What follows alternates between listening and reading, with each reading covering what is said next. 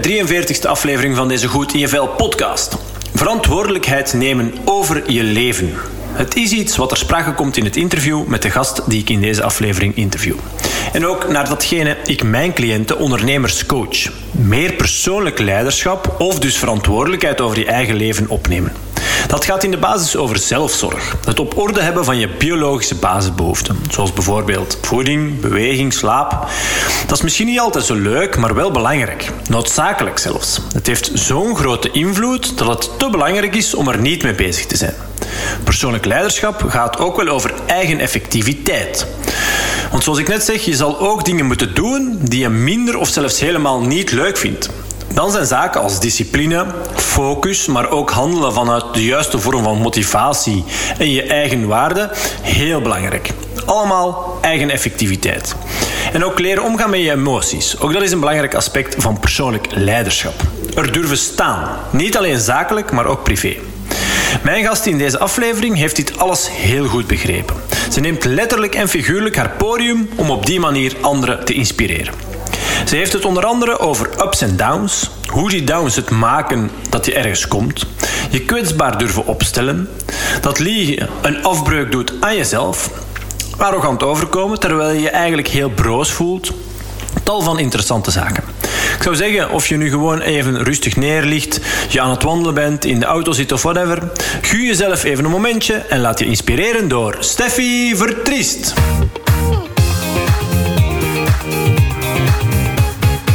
Steffi, alvast um, allereerst uh, dikke merci om even tijd voor mij vrij te maken. Graag gedaan. Stel, jij ligt op je sterfbed. Hopelijk mag je dat moment nog heel lang wegblijven. Hè? Maar welke dingen wil jij je dan vooral kunnen herinneren? Hmm. Um, ik denk dat ik vooral het gevoel wil hebben op mijn sterfbed dat ik geleefd heb. Um, dat ik plezier heb gemaakt en dat ik dingen heb uh, uitgeprobeerd.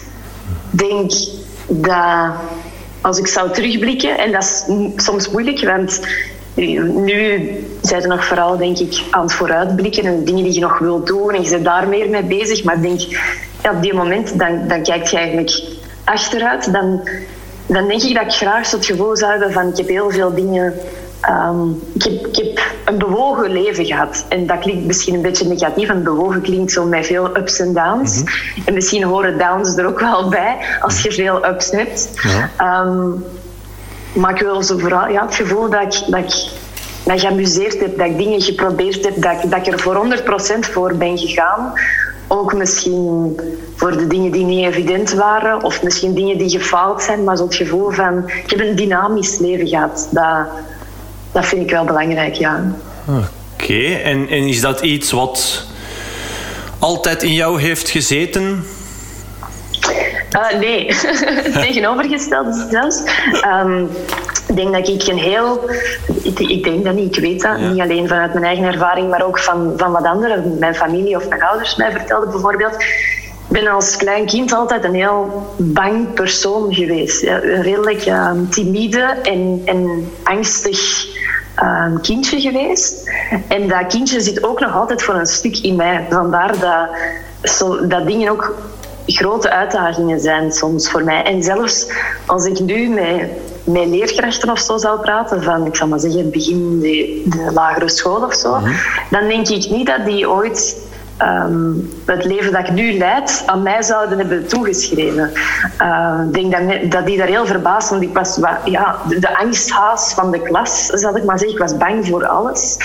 Um, maar dat maakt ook wel dat als je dan dingen doet, dat, dat, heel veel van die dingen die ik gedaan heb, bijvoorbeeld al, dat dat wel als overwinningen aanvoelt. En dat dat ook wel, dat ik daar wel heel veel uithaal. Dat ik het gevoel heb dat ik daar echt soms bergen heb moeten overklimmen om aan de andere kant te geraken. Mm-hmm. Oké, ja, ja. Alright, heel veel interessante dingen waar ik uh, zo dadelijk heel graag wat verder op inga. Maar uh, voor diegenen die jou niet kennen, hè, de mensen die misschien de uh, afgelopen jaren onder een steen hebben geleefd, maar goed, hè, want ik denk dat jij toch een, redelijk uh, ondertussen ja, wel wat hebt opgebouwd en, dat heel veel mensen jou, ondertussen jouw naam toch al, al vast kennen. Maar goed, voor diegenen die jou niet kennen, wie is Steffi Vertriest? Vraag ik mij ook al 34 jaar um, als het is van waar kunnen de mensen mij van kennen, um, dan is dat vooral van Jan, denk ik. Ik denk dat ik daar het mooiste platform heb gekregen um, op de kookzender, waar ik niet echt een chef ben, maar meer het boerinnetje in de keuken uh, dat vooral iets vertelt over waarom dat je dat allemaal moet eten en wat dat er allemaal in zit. En ik hoop vooral in dat programma, in mijn programma's op Jan, om mensen te inspireren om, om zorg te dragen voor zichzelf en dan vooral alleszins op Njam um, voor gezonde dingen te eten. Waarom dat, dat echt uh, heel veel deugd kan doen, dat dat lekker kan zijn. Um, verder heb ik ook een aantal boeken geschreven. Vier kookboeken ondertussen. De Beste Jij, dat ging over zeven pijlers van gezondheid. Dus ging ook over slaap, over licht en lucht. Uh, zit een hoofdstuk spiritualiteit in. En dan heb ik vorig jaar uh, De kracht van gedachten geschreven. Het um, gaat over meer het mentaal. Ik heb oorspronkelijk ook psychologie gestudeerd uh, vroeger. Uh, is nog altijd iets, zowel filosofie, psychologie. Het zijn allemaal dingen die me heel hard interesseren. -hmm. um, en daar heb ik vorig jaar een boek over geschreven. En ik ben nu ondertussen aan nog een ander boek bezig. Voor over een paar maanden. Oké. Okay. En kan je daar al een tipje van de sluier of is dat nog groot geheim? Um, ja, de werktitel is momenteel uh, De kracht van de waarheid. Um, omdat dit gaat ook over, van de waarheid is een heel um, vaag concept. Hè. Dat is, daar kunnen we heel veel boeken over schrijven, over wat dat nu al dan niet is. Um, ik volg daar een aantal uh, filosofen ook in het begin, maar het gaat dan vooral uh, meer naar het einde toe over, over authentiek zijn ook, over, over wat is uw waarheid en hoe belangrijk dat dat is om, um, om de waarheid uit te spreken. Um, omdat ik wel er heel hard in geloof dat als je de waarheid niet spreekt, dat dat... Um, we denken heel vaak, denk ik, mm-hmm. dat, de, dat we de waarheid spreken omdat liegen niet schoon is tegenover iemand anders. Maar ik denk vooral dat als je niet de waarheid spreekt, dat je daar afbreuk aan jezelf mee doet. Dat, uh, dat je daar zelf je eigen mee klein houdt. Mm-hmm. Hoewel dat dat niet gemakkelijk is, want um, als people pleaser uh, pur sang, vind ik dat niet per se gemakkelijk. Nee, nee. Um, maar net daarom vind ik het heel waardevol om in dat onderwerp in te duiken en daar een boek over te schrijven. Ja. Oké, okay, zeg, en, en oké, okay, je zegt inderdaad, hè, als ik vraag wie Steffi Vertriester, dan zeg je zelf van oké, okay, waar de mensen mij van kunnen kennen. Hè, de, de boeken, Jam. Um, maar goed, Daarnaast? Wie is... Um, hmm, um, ik denk een groot deel, en dan heb ik het nog niet over de core, denk ik, is ook muziek. Is misschien iets waar mensen mij iets minder van kennen, alhoewel dat ik in muziek ook al een aantal dingen uh, gedaan heb. En vandaag is mijn eerste single trouwens. Ah ja? ja. ja Oké, okay, proficiat. Ja, ja dankjewel, dankjewel. Ja, uh, een beetje snuikreclame maken. Ja, tuurlijk, mag. Uh, ja, ja. nee, dat is zeker een heel groot onderdeel van wie ik ben. Um, onder andere omdat ik, ik weet hoe, hoe nauw dat aan mijn hart ligt ook. Ik denk dat ik iemand ben die Um, misschien is het net wat ik daar straks zei, van, omdat ik altijd een redelijk bang persoon ben, ben geweest, zijn creatieve expressie is voor mij altijd heel belangrijk geweest. Dat is een manier, denk ik, geweest om, om mij uit te drukken, dat ik op andere manieren dan niet kon. Mm-hmm. En ik heb eigenlijk ook altijd gezegd, um, vanaf klein kind al, van ik wil later zangeres worden. Ik zei dat al van, van mijn vier jaar of zo, denk ik. Mm-hmm. Um, en dan is het ook wel leuk dat je dat ook wel degelijk wordt of daar wel degelijk iets mee doet. Um, maar dat is iets heel... Van alle dingen die ik doe, is dat denk ik het meest persoonlijke. Het meest kwetsbare en daarom ook het meest beangstigende om, om te delen. Ik ben daar ook gigantisch zenuwachtig altijd voor. Um, nog altijd voor een optreden heb ik soms het gevoel dat ik echt ik zou kunnen overgeven. Zo zenuwachtig ben ik daarvoor. Na heel veel optredens ondertussen al. Um, dus muziek is zeker... Muziek en creativiteit in het algemeen. Mm-hmm. Want als ik dat zo uitleg, dan, dan klinkt het soms alsof ik doe heel veel uiteenlopende dingen. Maar eigenlijk is er wel altijd een heel verbindende factor. En dat is alles wat creatief is. Alles wat creatief is, um, vind ik leuk. En als iets niet creatief is, dan ben ik er meestal ook heel slecht in. Ik kan voor dingen 100% gaan, maar als ik het niet voel, dan is het er niet. Sluit dan weer aan bij het, ehm, bij het boek dat ik aan, het schrijven ben van... Um, iets, iets moet vooral echt zijn bij mij. Iets, iets moet een snaar van binnen raken. En als het dat niet is, dan, dan mag ik nog mijn man en macht daaraan trekken. Dan, dan valt het toch op een, op een gegeven moment. Mm Um, is dat dan weer een antwoord op? Ja, ja zeker. Boeiend. Ja, ik, ben, ik, ben aan, ik, ben, uh, ik ben aan het luisteren en aan het denken. En is, is, um, is bijvoorbeeld uw eigen ja, zelfsturing bijvoorbeeld een, een waarde dat je dan... Hè, want, want je gevoel volgen, maar Allee, voelen, hè. moet een snaar raken en dan van daaruit zelf die keuzes. Uh, is dat iets, hoor ik, allee, dat, dat voel ik precies wel, dat dat iets is dat dat je daar, ja, toch? Nee? Ja, dat is... ja, ja um, alhoewel dat ik ook zelf keuzes maak, dat dat, ook dat is dan weer beangstigend vaak. Hè? Van, van, want als je zelf kiest, dan you only got yourself to blame in the end. Dus dat is dan ook weer iets wat ik best moeilijk vind. Van, mhm. Is dit nu de juiste keuze? En misschien is het nummer van vandaag bijvoorbeeld, dat vandaag uitkomt, daar een, een goed voorbeeld van. van. Ik heb al heel lang van alles op de plank liggen, maar voor zo echt een stap te zetten van ik breng dat nu naar, naar buiten, dan moet het bijna man en macht er anderen daaraan trekken van kom aan, doe er nu eens iets mee en publish dat nu eens. En zelfs vorige week had ik nog zoiets, terwijl dat is bij een platenlabel en zo aangetekend. Dus zelfs vorige week had ik nog zoiets van Oh nee, ik ga, er, ik ga er de stekker uittrekken. Ik ga iedereen bellen en zeggen, we doen, we doen het niet, want dan heb ik ernaar geluisterd en begin te denken, oh nee, en dat is het misschien toch niet. En ik zal toch maar wachten tot ik een beter nummer geschreven heb. En ik denk dat daarom nu ik speciaal heb doorgedreven om ook wel een keer uit dat patroon te stappen van altijd te denken van ik ben er nog niet klaar voor, ik ga eerst nog dat of dat of dat doen. Dat was vroeger zo met... Um, met dingen in voeding en zo ook. Van, ik heb nog niet, niet... Ik had al van alles gestudeerd, maar ik zal toch eerst die cursus doen voordat ik lezingen begin te geven, want ik heb toch de juiste credentials nodig. En wie ben ik om daar iets over te vertellen? En nu bijvoorbeeld dacht ik vaak in de muziek van oh, er zijn al zoveel beter nummers geschreven en er zijn zoveel andere goede artiesten en die zijn allemaal beter dan mij. En de mensen gaan teleurgesteld zijn. En vooral zo dat gevoel van mensen gaan zien wie ik maar ben. Zo dat mega imposter syndrome van mensen gaan zien wat voor, wat voor een, een broos persoon dat er maar achter zit. En anderzijds denk ik net dat ja, het feit dat mensen de, de fragiele persoon erachter kunnen zien, dat dat iets is waar heel veel mensen juist heel hard mee kunnen relaten. Ja, zeker. Ja. En dus mensen teleurstellen ook. Goed doen voor anderen is iets... Een van de belangrijkste oorzaken van stress trouwens. Hè? Mensen willen um, pleasen? Ja, ik denk dat het ook wel is van mensen gaan um, teleurgesteld zijn in mij. Want als ik zo denk aan goed doen voor anderen, dan denk ik aan mensen van mijn familie of mijn mama of zo, die, die altijd in de pres springen en er is iets en ze komen u helpen. En ik ben wel de persoon die gebeld en die dan zegt: Ik heb het echt te druk. Ja. zo, ik heb het echt te druk. Het is heel druk. Um, probeer dat minder en minder te doen, maar ik ben toch wel een beetje die persoon. Um, ja, ja. Ja, maar zo mensen ja, teleurstellen of dat mensen zo er meer van verwacht zouden hebben en dat ik dat niet aan de verwachtingen zou kunnen, kunnen voldoen, dat is iets herkenbaar. Ja.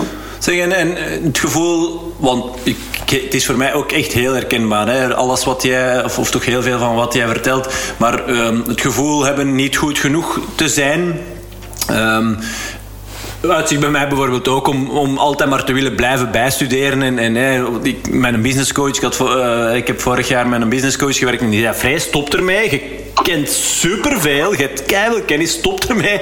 En ga het, allee, echt, uh, zet het in de markt en doen. Um, maar maar het, het gevoel van niet goed genoeg te zijn, kan je daar Weet je waar die oorzaak ligt? Ze durven, durven teruggaan en graven? En of, of met jouw ouders erover gehad? Of bij mij is dat met de scheiding van mijn ouder bijvoorbeeld. Dat ik toen in mijn hoofd heb gestoken, ik ben niet goed genoeg, want anders zou ons vader uh, niet weggaan bij ons. Heb jij daar kunnen daar? Ja, ik ben, uh, ik ben zelf ook wel iemand die, denk ik, veel aan introspectie doet. Die ook, ik ben ook iemand die journalt bijvoorbeeld, die dingen opschrijft en, en gaat kijken van wat zit erachter met soms heel verrassende um, uitkomsten of, of, verrassende ontdekkingen van, van uzelf. Nu zie ik ook bijvoorbeeld, dat zeg ik toen niet, maar ik heb psychologie gestudeerd en er is zo een, iets wat ze zeggen, van ja, mensen die psychologie studeren, die doen dat om eh, zichzelf, uh, die willen zichzelf zelf eigenlijk uh, gaan ontdekken. En toen had ik daar waarschijnlijk eens mee gelachen. En nu achteraf, in retrospect, denk ik, ja, ik was ook dat soort persoon. Um, en zo over dat niet goed genoeg zijn. Ik denk dat dat... Ik kom daar heel snel uit op een soort angst voor arrogant over te komen. Um, een soort angst voor je op een pedestal, op een pedestal te zetten. Want als je jezelf op een verhoogstje zet, dan kun je vallen. Mm -hmm. En zo dat idee van als ik zelf te hoog, mezelf te hoog inschat, amai, dan ga ik daar een tuimel maken en, en ik ga recht met mijn gezicht op de grond vallen. En dat is ook iets waar ik um, bij anderen heel, wat mij heel hard kan triggeren. Als ik anderen arrogant vind, hmm. dan dat kan een hele grote trigger zijn voor mij. En het is niet dat ik dan denk van ja, um, arrogantie is wel iets goeds bijvoorbeeld, maar het gaat er eerder over, over wat mij triggert, is mijn eigen angst daarin van ik wil zo niet overkomen. Ik wil niet dat mensen mij arrogant vinden. Ook omdat ik naar, naar kennis gewoon ook al, als het dan over kennis gaat bijvoorbeeld, en waar we het over hadden, van, van heb ik genoeg kennis? Ik kan me, kan me herinneren dat ik, um, voordat ik aan mijn lezingen begon een paar jaar geleden, dat ik dacht, maar wat als mensen mij van bepaalde vitamine de moleculaire structuur vragen? zijn mensen, niemand gaat dat vragen. Alleen dat soort vragen komen niet. Dus en het is ook oké om dingen niet te weten. Ja, tuurlijk. Um, ja, vooral. Ja. Maar ja, die, arro die arrogantie van, van ja, als ik mij daarop zit, dan kan ik, dan kan ik hard vallen. Um, ja, dat is iets wat mij altijd al... Uh... Ja, en nogthans is dat ook... Um, soms moeten ook wel durven, en ik kan dat allemaal mooi zeggen, maar het ook voelen is soms moeilijk. maar soms moeten ook je podium nemen om anderen te helpen. Um, iemand heeft dat ook ooit tegen mij gezegd, van je helpt mensen niet door van, een, van je verhoog af te stappen en naar, naar, naar de positie te gaan waar zij op die moment staan. Want mensen hebben dat nodig, dat jij op sommige vlakken in je leven of op, op bepaalde kennis of op, op eh, een manier van, van expressie. Want ook de manier van, eh, bijvoorbeeld, het kan ook zijn dat jij heel veel mensen inspireert van ah, zie je doet dat toch een podcast. En ik heb altijd, dat zou ik niet durven, van uw stand een beetje te nemen. Kun je soms mensen de hand aanreiken van tot op, tot op uw niveau uh, te komen, mm zal ik maar zeggen, op welk domein dat dat ook is uh, denk ik dat dat net heel inspirerend kan zijn. Maar voor het dan ook echt uh, te doen, want ik kan dat hier nu wel heel schoon komen vertellen, uh, maar voor het dan ook echt te doen, is soms nog een grote stap. ja, ja, nee, nee, maar goed, ik denk dat we in dezelfde situatie een beetje zitten. Hè. Ehm, mensen proberen te inspireren en boven het maaiveld te durven je, hoofd er bovenuit te steken en inderdaad, zoals jij zegt, op je, op podium te gaan staan om anderen te inspireren. Maar goed, uh, hoge bomen vangen veel wind en het is niet altijd gemakkelijk en, en kritiek uh, is, is makkelijk gegeven. Uh, daar zal jij ook wel genoeg ervaring over hebben, kan ik me voorstellen. Maar ik denk dat, het, dat, dat wij als, als ik even, wij als, soort, wij als eh, mensen die anderen willen inspireren, altijd in ons achterhoofd moeten houden dat um, ja, het, het, opnemen van uw verantwoordelijkheid en, en uw persoonlijk leiderschap en gewoon er durven gaan staan, dat dat, uh, dat, dat, ja, dat, dat iets, iets heel moois ook wel gewoon. Dat dat, um, ja. Iets wat mij daar heel hard in geholpen heeft, is ook, komt ook terug op dat stuk van de waarheid, is van, van eerlijk te zijn naar uh, van, van mijn onzekerheden ook uit te spreken. Um, ik heb ooit een lezing gegeven en dat was in toen was ik aan het schrijven aan de beste jij en dat was in de laatste week. En ik hoef u over, over boeken schrijven ook waarschijnlijk niet te vertellen dat dat in de laatste aanloop naar uw deadline is dat zeer druk en beangstigend, want dan staat dat zwart op wit en mensen kunnen u daar dan op aanspreken. Uh, dus dat was een heel drukke week. Um, en ik, ik had een lezing op een donderdag of zo, denk ik. En, um, en ik was een dag daarvoor maar tot kot in de nacht, zoals ze zeggen. Um, nog aan het nalezen. Dat was de laatste week dat ik nog iets kon veranderen. Um, en ik had een lezing op donderdagochtend, dus ik was heel laat in de nacht nog bezig aan mijn boek. En toen ging ik even snel kijken naar die lezing van ja, we waren nu weer de details daarover. En er stond daarbij van ja, maar dat is voor KMO's. En we zouden graag hebben dat je op dat domein ook inspeelt. En ik dacht, oh nee, ik ben dat vergeten. En dat is over een aantal uur al. Um, ik had bijna niet geslapen. Ik weet, ik ben graag energiek voordat ik een uh, lezing geef. Dus ik was heel zenuwachtig, omdat ik dacht van, ja, ik heb eigenlijk niet goed opgevolgd wat ze van mij gevraagd hebben. Um, ik vond dat ik niet fit genoeg was. En ik ben eigenlijk die lezing begonnen met te zeggen van dit is de laatste week dat ik aan mijn boek ben bezig geweest en ga hier vertellen over hoe, hoe belangrijk het is om goed te slapen. En eigenlijk heb ik dat vandaag niet gedaan. En ik voel dat echt. En als je mij af en toe zo wat verward ziet dan weet je hoe dat, hoe dat komt. Ik heb daar een mopje van, van gemaakt. En eigenlijk was dat dat kwam van zo'n eerlijke plek van te zeggen van oh, ik vind dat vervelend en dit. Maar mensen kunnen daar zo mee connecteren. En ik denk dat dat een van mijn beste lezingen is die ik ooit gegeven heb. Dat was zo'n moment van... Ik had dat publiek mee van, van de eerste minuut. Net daarom, omdat je juist laat zien van... Uh, dat is voor mij ook moeilijk. En er zijn um, perioden in je leven dat dat Allee, voel je niet slecht als je niet kunt toepassen wat je hier leert, omdat je drie kind, kleine kindjes hebt in huis en, en dat je s morgens die ochtendroutine waar ik het over ga hebben niet meteen kunt toepassen. En, um, ja, dat was eigenlijk heel... Ik vind altijd een mooi voorbeeld, omdat dat, vooral omdat ik achteraf vond dat dat een van mijn beste lezingen was. En zo het connecteren met je publiek, dat zie je van... Ik denk dat als je, als je eerlijk zijn. En met eerlijk zijn bedoel ik van, van ja, het, het, laten komen van, vanuit je hart, van, van binnen. Ik, ik zeg altijd, mensen, mensen hebben daar een soort zesde zintuig voor dat uh, mensen voelen dat gewoon. Um, want er zijn heel veel dingen waarvoor dat je talent moet hebben om het te spotten. Eh, ik, kan, um, ik speel een beetje piano, maar eigenlijk ook helemaal niet goed. En iemand, iemand die niet goed speelt, die zal zeggen, oh wauw, Steffi, ja. fantastisch. Maar iemand die een, een echte pianist, die ze zeggen, wat zeg jij er al van aan het doen? Uh, waarmee ik maar wil zeggen van de appreciatie voor zo'n dingen, um, dat hangt er vanaf of dat je de appreciatie krijgt, welke niveau dat andere mensen hebben. Terwijl dat ik denk dat het spotten van authenticiteit is iets waar dat wij als mens zo goed, waar we niet de vinger op kunnen leggen, dat boven alle intelligentieniveaus gaat, dat boven socio-economische klassen en zo, dat heeft er allemaal niks mee te maken met je opleidingsniveau. Dat is iets heel menselijk, dat wij gewoon ergens aanvoelen van elkaar. Is iets waar, ja of nee? Ik denk dat dat ook uh, de reden is dat je daarom, er zijn mensen die... Je kunt naar een optreden kijken en dat kan totaal niet je stijl zijn en dat je toch zegt, amai, dat pakt ze mij nu. En dat is denk ik wanneer dat je voelt, dat klopt wat dat die mensen aan het brengen zijn. Er is niks zo mooi als mensen volledig in hun ding, in hun veld zijn aan toe waar dat ze goed in zijn. Dat je ziet dat die geconnecteerd zijn. Je kunt dat met muzikanten hebben, maar je kunt dat ook met um, met lopers, hè, iemand zien die er, die er helemaal voor gaat, met, met sporters.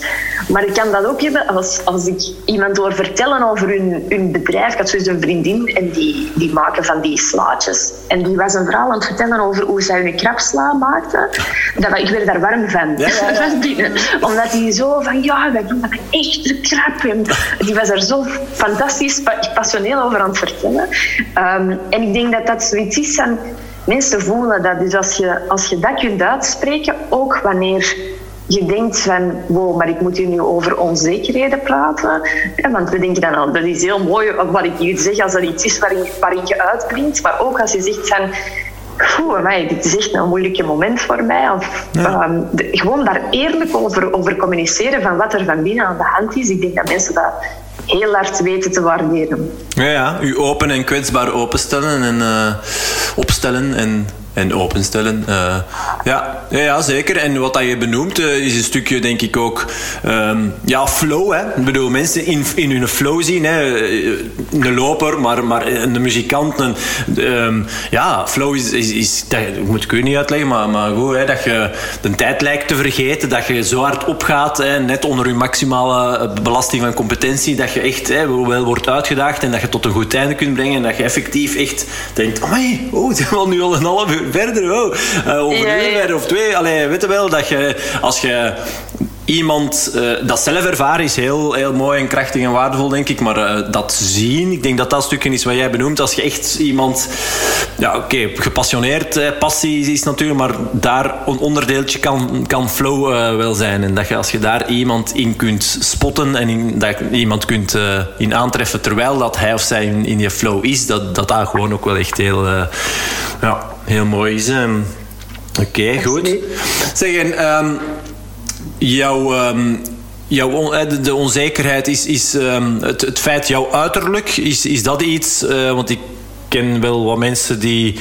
Ja, je, hebt, je hebt misschien altijd lang blond haar gehad, maar toch blond. Uh, je bent een mooie verschijning, om het zo maar even te zeggen. Ik bedoel, sommigen gaan waarschijnlijk zeggen eh, poppenmeken of allee, weet je wel, dat is dan misschien wel, wel minder positief. Maar, maar snap je wat ik bedoel? De, de, de is dat iets? Ben jij ooit gepest bijvoorbeeld of zo? Nee, of, of, of dat, um, dat, dat... Oh, ja, wel, dat is eigenlijk wel... Ik heb er niet, niet direct bij stilgestaan, maar met, met dat je het nu zegt... Um, ik ben, ben daar lang heel onzeker over geweest. Um, en ik, ik, heb ook, ik vond dat ik in mijn tienerjaren er ook niet... ik was niet de schoonste tiener, ik zal het zo zeggen. En al mijn vriendinnen waren dat wel. Um, dus ik ben wel zo wat in mijn vriendengroep. En dan spreek ik een beetje de leeftijd 13, 14. Is toch een leeftijd, denk ik, waarvoor, waar, waar je voor het eerst, of de eerste jaren, dat je daar zo wat bewust van bent. Je begint te puberen en uh, plots speelt uiterlijk mee, waar, waarbij dat, dat ervoor minder, minder van belang was, denk ik. Um, en ik had prachtige vriendinnen op school. Mijn vriendinnen waren allemaal echt, echt, heel mooie meisjes. Um, en, en op die leeftijd zet je ook hard voor elkaar, weet wel. Dan, die gingen dan ook mee. De jongens waar ik op verliefd was, gingen die mee lopen. Um, en ik denk dat ik daar wel... Um, ik kan het mijzelf eigenlijk een beetje herinneren dat ik, dat ik mij daar doelen ben beginnen stellen die niet uiterlijk gerelateerd waren. Van te zeggen, oké, ik heb niet het gevoel dat ik uiterlijk per se heel veel te bieden heb. But I'm gonna be somebody. Hmm. Um, ik, ga, ik, ga, ik ga dingen bereiken. En ik denk dat dat daar heel vroeg al zo van ik ga dingen doen die niet vanzelfsprekend zijn. Ik ga, dat heeft voor een stuk. En dat is triest en mooi tegelijk. Want ik vind, vind dat, vind, als ik mezelf dat hoor vertellen, denk ik, oh, dat is wel erg eigenlijk dat ik mij zo gevoeld heb. Um, heb ik daar wel compassie voor. Maar anderzijds is het wel mooi van u de dingen die u raken, of de dingen die, die het wat donker maken op die moment, van dat ook wel te kunnen draaien naar iets wat, wat u vuur geeft. Mhm. Ehm, iets wat iets aanwakkert. Um, dat is daar zeker gegroeid. Alhoewel dat ik daar, ik had daar natuurlijk toen geen invulling van. Ik was toen niet bezig. Ja, ik ga op, op tv koken. En, en, dat, dat is achteraf gegroeid. Maar daar was wel zo'n drive van ik, ga, ik wil dingen doen. Ik wil, ik, ik wil mijn eigen, voor een stuk, ja, ik wil mijn eigen ook wel wat bewijzen. Ik denk ook, en ik, ik ontsnap daar niet aan, dat mocht er nu, ik zou wel eens graag willen weten, de mensen die op tv komen, de mensen die een beetje in de kijker staan, of dat dat nu op tv komen is, of op social media bijvoorbeeld, en mensen die zich, die zich heel hard werken aan hun social media. En ik bedoel dat niet op een slechte manier, maar ik vraag me af of daar niet altijd wel iets zit van ik wil gezien worden. Tuurlijk. Ehm, en dat klinkt soms negatief, maar ik bedoel dat niet negatief, want ik denk dat dat vaak komt uit, uit ook een historie van misschien niet gezien zijn zijn, te zijn geweest. Ja, ja, um, dat daar toch wel zoiets onder zit van ja, een, een nood. En dat is niet per se slecht, want ik denk, je komt al, eender wat je doet, dat komt altijd van ergens. Of dat die, of dat die passie nu van, van daar is gekomen, of of, of je doet iets helemaal anders. Uh, je bent een dokter en dat komt misschien ook van ergens, van ik wil mensen helpen. Of allee, je historie bepaalt De, de, de, noden die je hebt, denk ik. Um, maar ik denk zo dat ja, als je, als je u toch ergens in public, hè, tv, tv, boeken, social media, whatever, mm um, dat daar toch altijd wel een, een, iets, iets in zit van gehoord of gezien worden. Ja, en erkenning. Erkenning krijgen.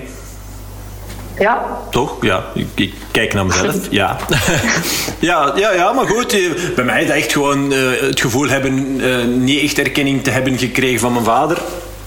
Nooit niet goed genoeg, of, of weet je wel. Uh, en, en ja, goed. Um, en ik weet ondertussen ook dat ik ik doe het al lang niet meer alleen om erkenning te krijgen van mijn vader, want die zal ik waarschijnlijk nooit echt krijgen. Of hij moet op zijn sterrenbed liggen, dat er misschien eh, dan, eh, dan, dan eh, daarom mijn eerste vraag van deze podcast, dan kijk je terug en dan denk ik dat je al rapper beseft waar je misschien spijt van hebt of, of weet je, mm -hmm. um, maar nee, nee, ja, ik, ik, ik, ben het er helemaal mee eens dat als je u durft open te stellen en u meer in het openbaar en, en u te tonen, ja, dat dat stukje zeker is, uh, ja, wat dat jij ook benoemt, dat dat... Uh, wat dat in maar ik denk, ik denk dus van, om terug te komen op uw vraag, van, van het uiterlijke, dat dat bij mij heel hard um, een zekere um, presta prestatiedrang heeft gecreëerd. Ook van, van, omdat ik niet voldoe aan dat, of alleszins aan de, de normen die ik daarvoor had op die moment, uh, mij daar niet goed genoeg in voelde, van dan te gaan overcompenseren uh, op andere vlakken. En voor een stuk ben ik daar ook heel blij om. Want um, misschien als ik toen wel een poppenmieken had geweest, ja. dan had ik hier misschien nu niet gezeten. En was ik misschien een luie doos. Ja, ja. Getrouwd met een voetballer. Ja. Nee, nee, maar goed. Niet dat, niet dat vrouwen van voetballers luie dozen zijn, maar... Nee, nee, nee. Dat had ik misschien maar... gewoon... Uh, uh, gewoon mooi, mooi geweest. En, en, ja, nee, dat was het dan. ja. Nee, nee. Ergens... Um, ja, mooi. Ja. Kees zeggen daar straks, je geeft aan, als ik uh, terug kan kijken later, dan zou ik graag uh, kunnen zeggen dat ik een bewogen leven heb gehad met ups en downs. Er zijn al best veel uh, ups, je hebt al wel wat dingen benoemd. Um, kan je ons ook eens terugnemen, meenemen naar, naar een down en, en wat dat voor jou heeft betekend en wat je daar misschien uit hebt geleerd, hoe je daarmee bent omgegaan, kan ook wel heel interessant zijn voor, voor de luisteraar? Um, ja, ik denk dat dat heel gemakkelijk is, inderdaad, wat je zegt van als je naar de, naar de, naar de ups alleen kijkt, of is ook wel zo ja, soms als je ergens ingeleid wordt of zo, bijvoorbeeld, ah, Steffi Vertriest, oh, ja. oh, maar ja, naar het zevende boek bezig en zoveel seizoenen van dit en dan nog een single. En wow, dat lijkt zo, nu, het blijft maar komen. Hè. Van in het begin een radioprogrammaatje en, en dan dat en dat er nog eens op. En boeknummer zoveel en nu een record label. Ten eerste leert je al dat zo'n dingen allemaal heel...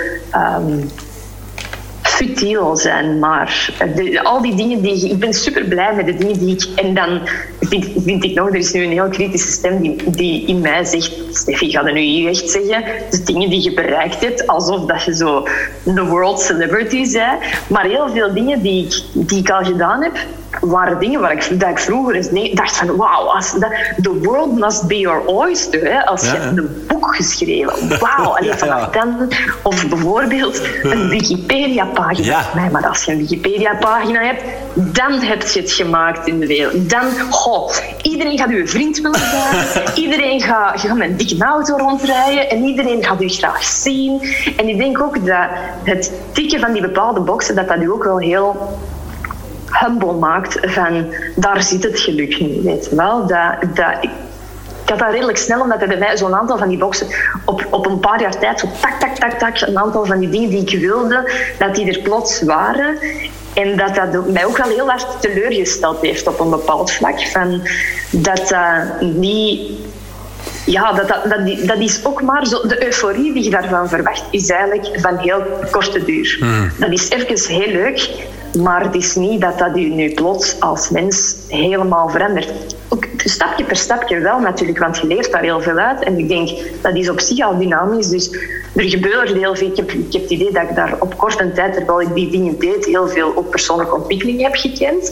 Um, maar hetgeen dat je dacht dat je eruit ging halen, dat, dat stelt toch een beetje teleur. Dus ik heb dat ook wel wat gevoeld van die dingen te bereiken en dan ook onmiddellijk een beetje in een zwart gat te vallen van wat ik zocht, het stukje dat ik wou opvullen in mezelf, het ligt daar niet. Het is nog, nog ergens anders. En er is ook wel iets wat, ik denk ik in de laatste uh, paar jaar meer ben naar gaan zoeken van oké, er zijn ook wel echt nog dingen naast dingen bereiken. En zelfs in de weg naar, want als je zegt van naar een, naar een diep moment, zelfs in dat parcours wat mensen zien alsof dat dan een soort lijn is dat, dat zichzelf opstapelt, um, daar zitten heel veel teleurstellingsmomenten tussen. Um, zelfs gewoon al van weken in de media. Ik kan me herinneren dat ik een van mijn eerste grote jobs was werken voor The Voice. Um, ik werd backstage gepresenteerd als reporter. Dat was een fantastisch leuke job. Ik heb er heel mooie herinneringen aan. Um, maar daarna stopt dat ook na dat programma. En doods heb ook gewoon geen werk meer. Weet. En dan denk ik hostessenwerk uh, gaan doen, omdat dat iets was. Ik, geen, ik had daar ambitie om, om daar verder te reporteren of iets in die trend te doen. Ik vond dat, vooral omdat ik geproefd had van, van die job en hoe leuk dat ik dat vond. En ik wou dan niets vast aannemen, met mijn diploma of zo bijvoorbeeld, omdat ik dacht van ja, dat is eigenlijk niet allemaal de richting dat ik in wil gaan. Ik, ik wilde mijn opties openhouden voor als er toch opdrachten komen. Maar er kwamen dan lang geen opdrachten, dus ben ik dan tussendoor wat hostessenwerk gaan doen. Dat is echt niet de meest glamoureuze job. Um, en dan was er uh, een keer, ik kan me herinneren, dat um, was ooit op een event uh, en ik had een, een hostessenjob. En, maar je wist eigenlijk nooit goed wat dat, dat ging zijn. Dus je kreeg dan een call sheet, wat moet daar zijn? En, dat kon, en je doet dan de vestiaire. Of, uh, of je verwelkomt mensen. Of je moet gewoon ergens staan voor als er iemand vraagt waar het toilet is. En dan, dat is dan uw job. Voor acht uur lang gewoon ergens staan. Voor mocht er iemand aan u komen vragen waar het toilet is. Dus er zijn jobs voor dat, op events. En dat deed ik. En op die specifieke job was iets voor kerst. Um, en dat was blijkbaar een, een soort kerst viering of feest met, met een soort awards. Ik weet niet meer exact, maar dat was iets van de media. Maar ik weet, ik weet niet meer juist wat het was. Een soort media awards voor reclame, denk ik. En omdat dat vlak voor kerst was, moesten wij allemaal, uh, de hostessen, als kerstvrouwtje gekleed gaan. Dus een beetje Santa Claus, maar dan met een rokje en iets tussen sexy en heel fout. Ja. Um, iets ertussenin. Um, en ik moest daar aan de ingang staan. En plots viel een frank dat dat dus um, over Media Awards ging. En ik kwam eigenlijk juist uit een van mijn eerste mediajobs, waar dat wow, en ik had nu een job en ik was bij de VTM en bla bla. En plots komen al die mensen daar, die dat ik kende van, van de shows die ik gedaan had, en nu stond ik daar als kerstvrouwtje. um, ik kwam daar dan nog wat medestudenten van vroeger tegen. En die hadden ondertussen een PhD gedaan. En die waren in de neuropsychologie aan het doctoreren. En die hadden allemaal... En dan vraag je die... En jij? Uh, ja, ik ben kerstvrouwtje. um, dus dat, dat was zo'n moment. Maar dat is wel een heel dat was diep, want dat, is een moment dat je zo beseft van wauw, ik ben zo ver weg van wat ik eigenlijk wil doen. Dit is het andere uiterste. Van, want als ik ervoor had gezegd, het was niet dat, oké, dan had ik misschien, oké, ik wil dan psycholoog of, of architect, of dan had ik er iets anders van invulling aan gegeven, maar zeker niet geen dat ik nu aan het doen was. Dus stond zo ver weg van wat mijn doelen waren, um, dat dat heel confronterend was.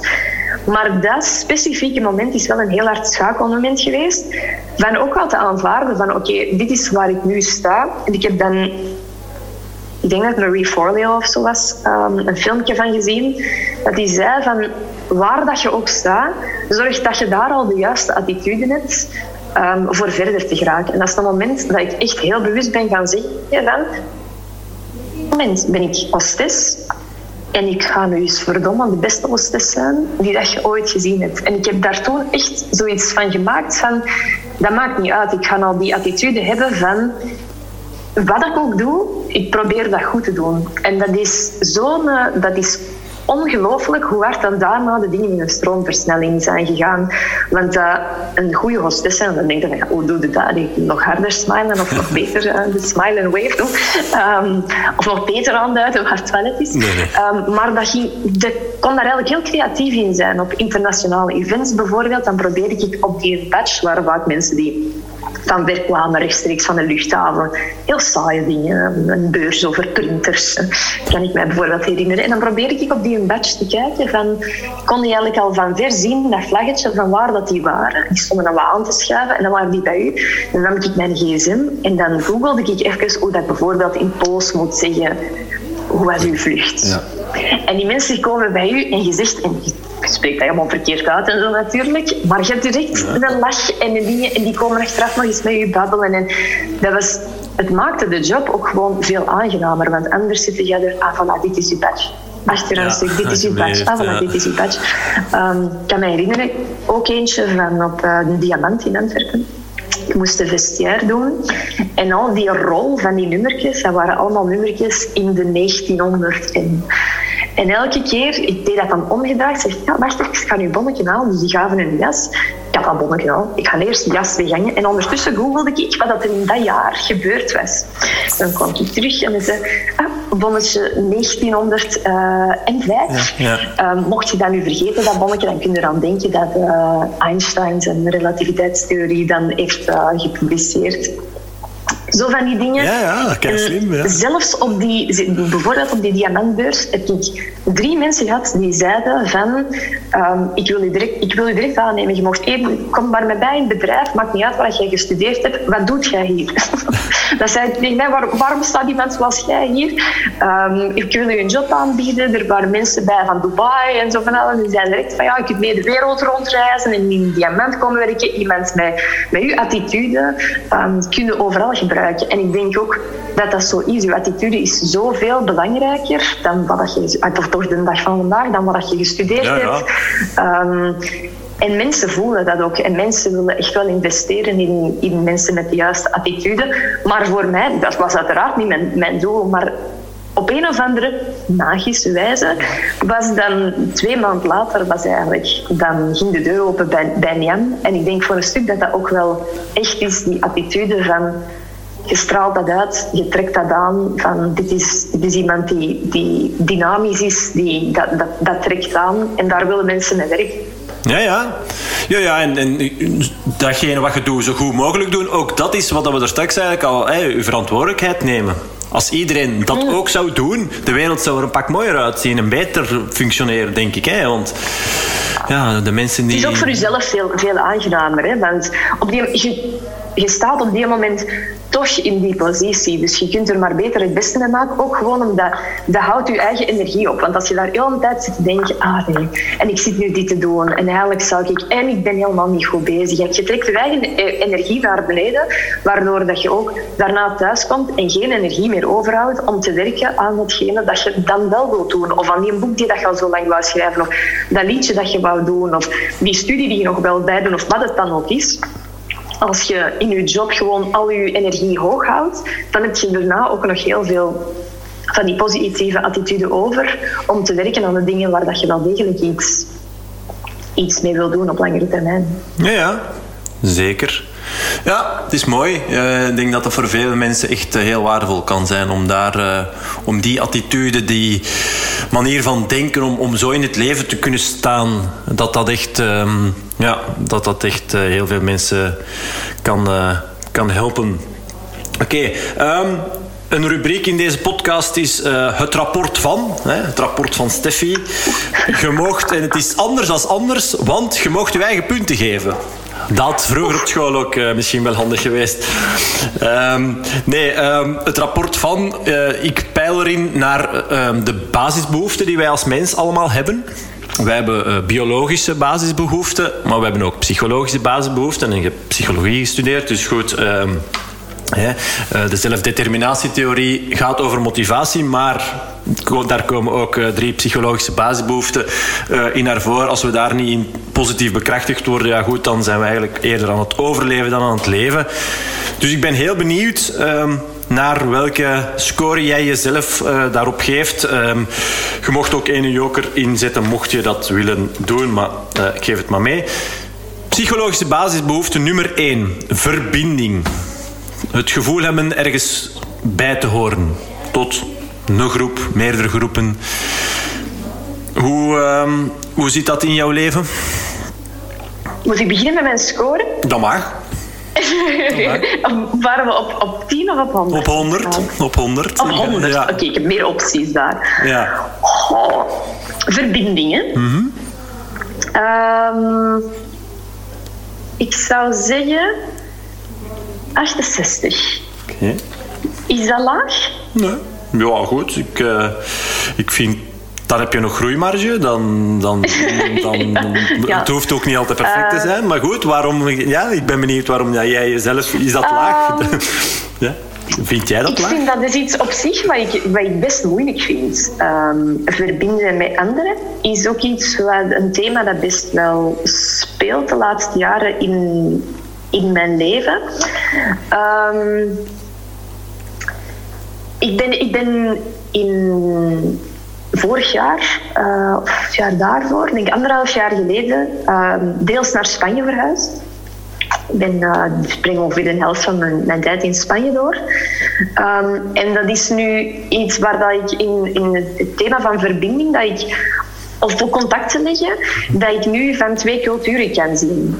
En dan heb ik ook heel sterk gezien hoe wij als Vlamingen daar heel gesloten in zijn. Dat, dat het enorm moeilijk is voor. Ik, maar ik zie dat ook aan mezelf. Hoeveel moeilijker dat het voor anderen is om met mij te verbinden dan bijvoorbeeld. En mijn vrienden zijn er allemaal internationale mensen. Um, allemaal niet-Belgen eigenlijk, of bijna allemaal. Um, dat die dat ook moeilijk vinden met mij. Dat die zeggen van tot op een bepaald moment ook al vind ik mezelf een redelijk open persoon, dat dat toch, dat je als, als Belg of als Vlaming toch redelijk gesloten bent. Um, en ik zie dat ook bijvoorbeeld aan vriendengroepen of zo. Als ik kijk naar mijn vrienden in België, dan zijn dat mensen die al jaren mijn vrienden zijn. Er zijn heel weinig mensen als vrienden die erbij komen. Um, en ik denk dat dat iets heel eigen is hier. We hebben, we hebben vrienden van, van op de middelbare school nog, of op ja, ja. en dat zijn dan uw vrienden geworden. Terwijl daar veel meer in Spanje, en je zit ergens en je praat met die tafel naast u en die nodigen u s'avonds uit om te komen eten, weet je wel. Ja, en die nodigen u uit bij hun familie direct. En ik bedoel, veel, vrienden, veel van mijn vrienden en mijn ouders nog nooit gezien, weet je wel, die al jaren mijn vrienden zijn zelfs.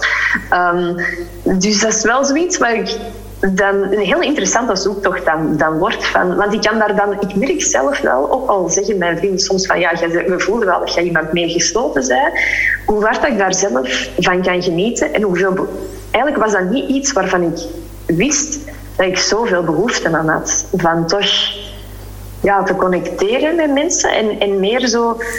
Want dat wil ook niet zeggen, net omdat, want net omdat die dan sneller gaan verbinden, is het dan ook weer de uitdaging van oké, aan wie ga ik mijn energie geven en wie niet? Want daar wil iedereen en je moet overal gaan eten. En dan moet, dan, plots moet je de vraag stellen van ja, bij wie wil ik eigenlijk gaan eten? Wie, wie, wie verdient mijn energie of, of bij wie sluit ik hard genoeg aan dat dat ook wel een vriendschap op langere termijn kan worden?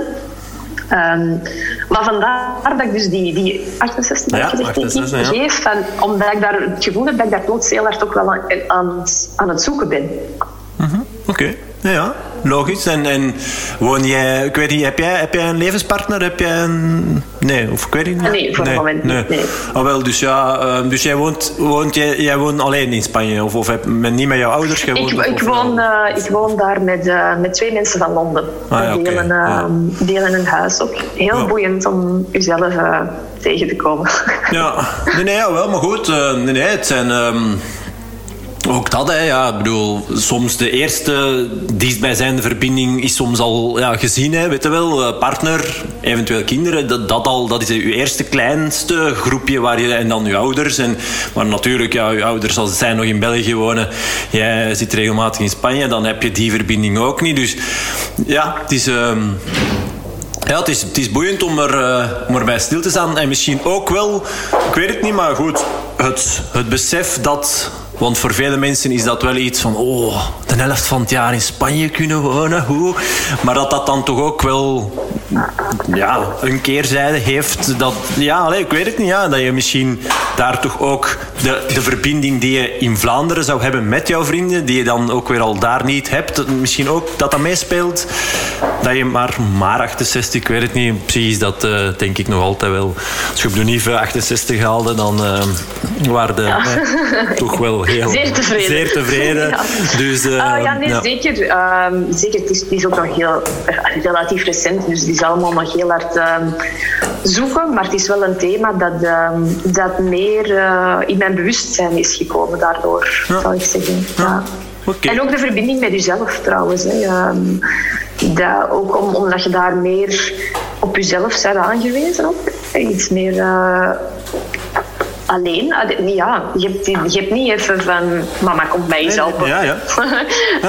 uh, of komt dat iets doen. Of van, je moet zo wel meer je, je plan trekken. Dus dat, uh, dat maakt ook dat je... Maar voor mij wel heel, heel, heel interessant en, en, en boeiend voor die verbinding. Kom ook wel closer bij jezelf. Zo van, en wie ben ik nu? En dan ook zeker in het, in het samenleven met andere mensen die, die, die niet uw vriend of uw, uw partner echt zijn. Van, plots merk je van, wow, dit zijn dingen die belangrijk voor mij zijn, die ik daarvoor niet, niet door had. Stilte in de ochtend bijvoorbeeld.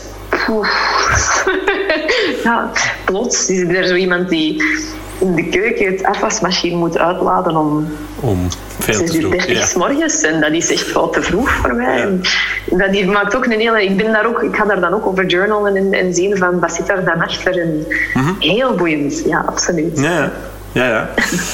Right, oké, okay, goed. Um, de volgende psychologische basisbehoefte: competentie. Het gevoel hebben ergens goed in te zijn, hè, jouw talenten kunnen inzetten. En, en hoe uh, kan je daar jezelf een score geven op 100? Over hoe competent ik ben? Of? Ja, hoe competent dat jij voelt en, en dat je voelt van oké, okay, die dingen uh, waar ik weet dat ik goed in ben, kan ik ook gewoon. Uh, ja, maar ik denk, allee, wat mijn gevoel is dat, dat, dat jij daar redelijk hoog um, op, op scoort, toch? Maar goed. Um, ja, pom, pom, pom. moeilijk. Um, ik zou daar misschien een 73 van maken. Mm-hmm. Allemaal veilige beds hier. Ja, ja. Um, omdat ik denk dat de dingen... Ik heb een aantal dingen... Die, het ding is denk ik ook van... De, de, de vlakken waarop dat je competent voelt... Dat zit eigenlijk niet echt vers in je geheugen. Je hebt veel meer in je geheugen. Oh, maar daar, daar heb ik het nog niet vast. En daar moet ik nog, nog dat en dat en dat. Um, terwijl de dingen waar je competent bent... Wat er best wel wat zijn, denk ik... Dat is zo vanzelfsprekend. Daar staat je niet bij stil eigenlijk, omdat dat zo vlotjes gaat. Um, ik denk dat ik um, op werkvlak bijvoorbeeld, ik heb um, ook dat nog, uh, een start-up theebedrijfje, t.be, waar wij vorig jaar zijn opgestart. En dat is iets van, ik ben ook theesommelier en zo, leunt aan bij de, bij voeding die ik gedaan heb natuurlijk, mij heel hard in uh, thee verdient.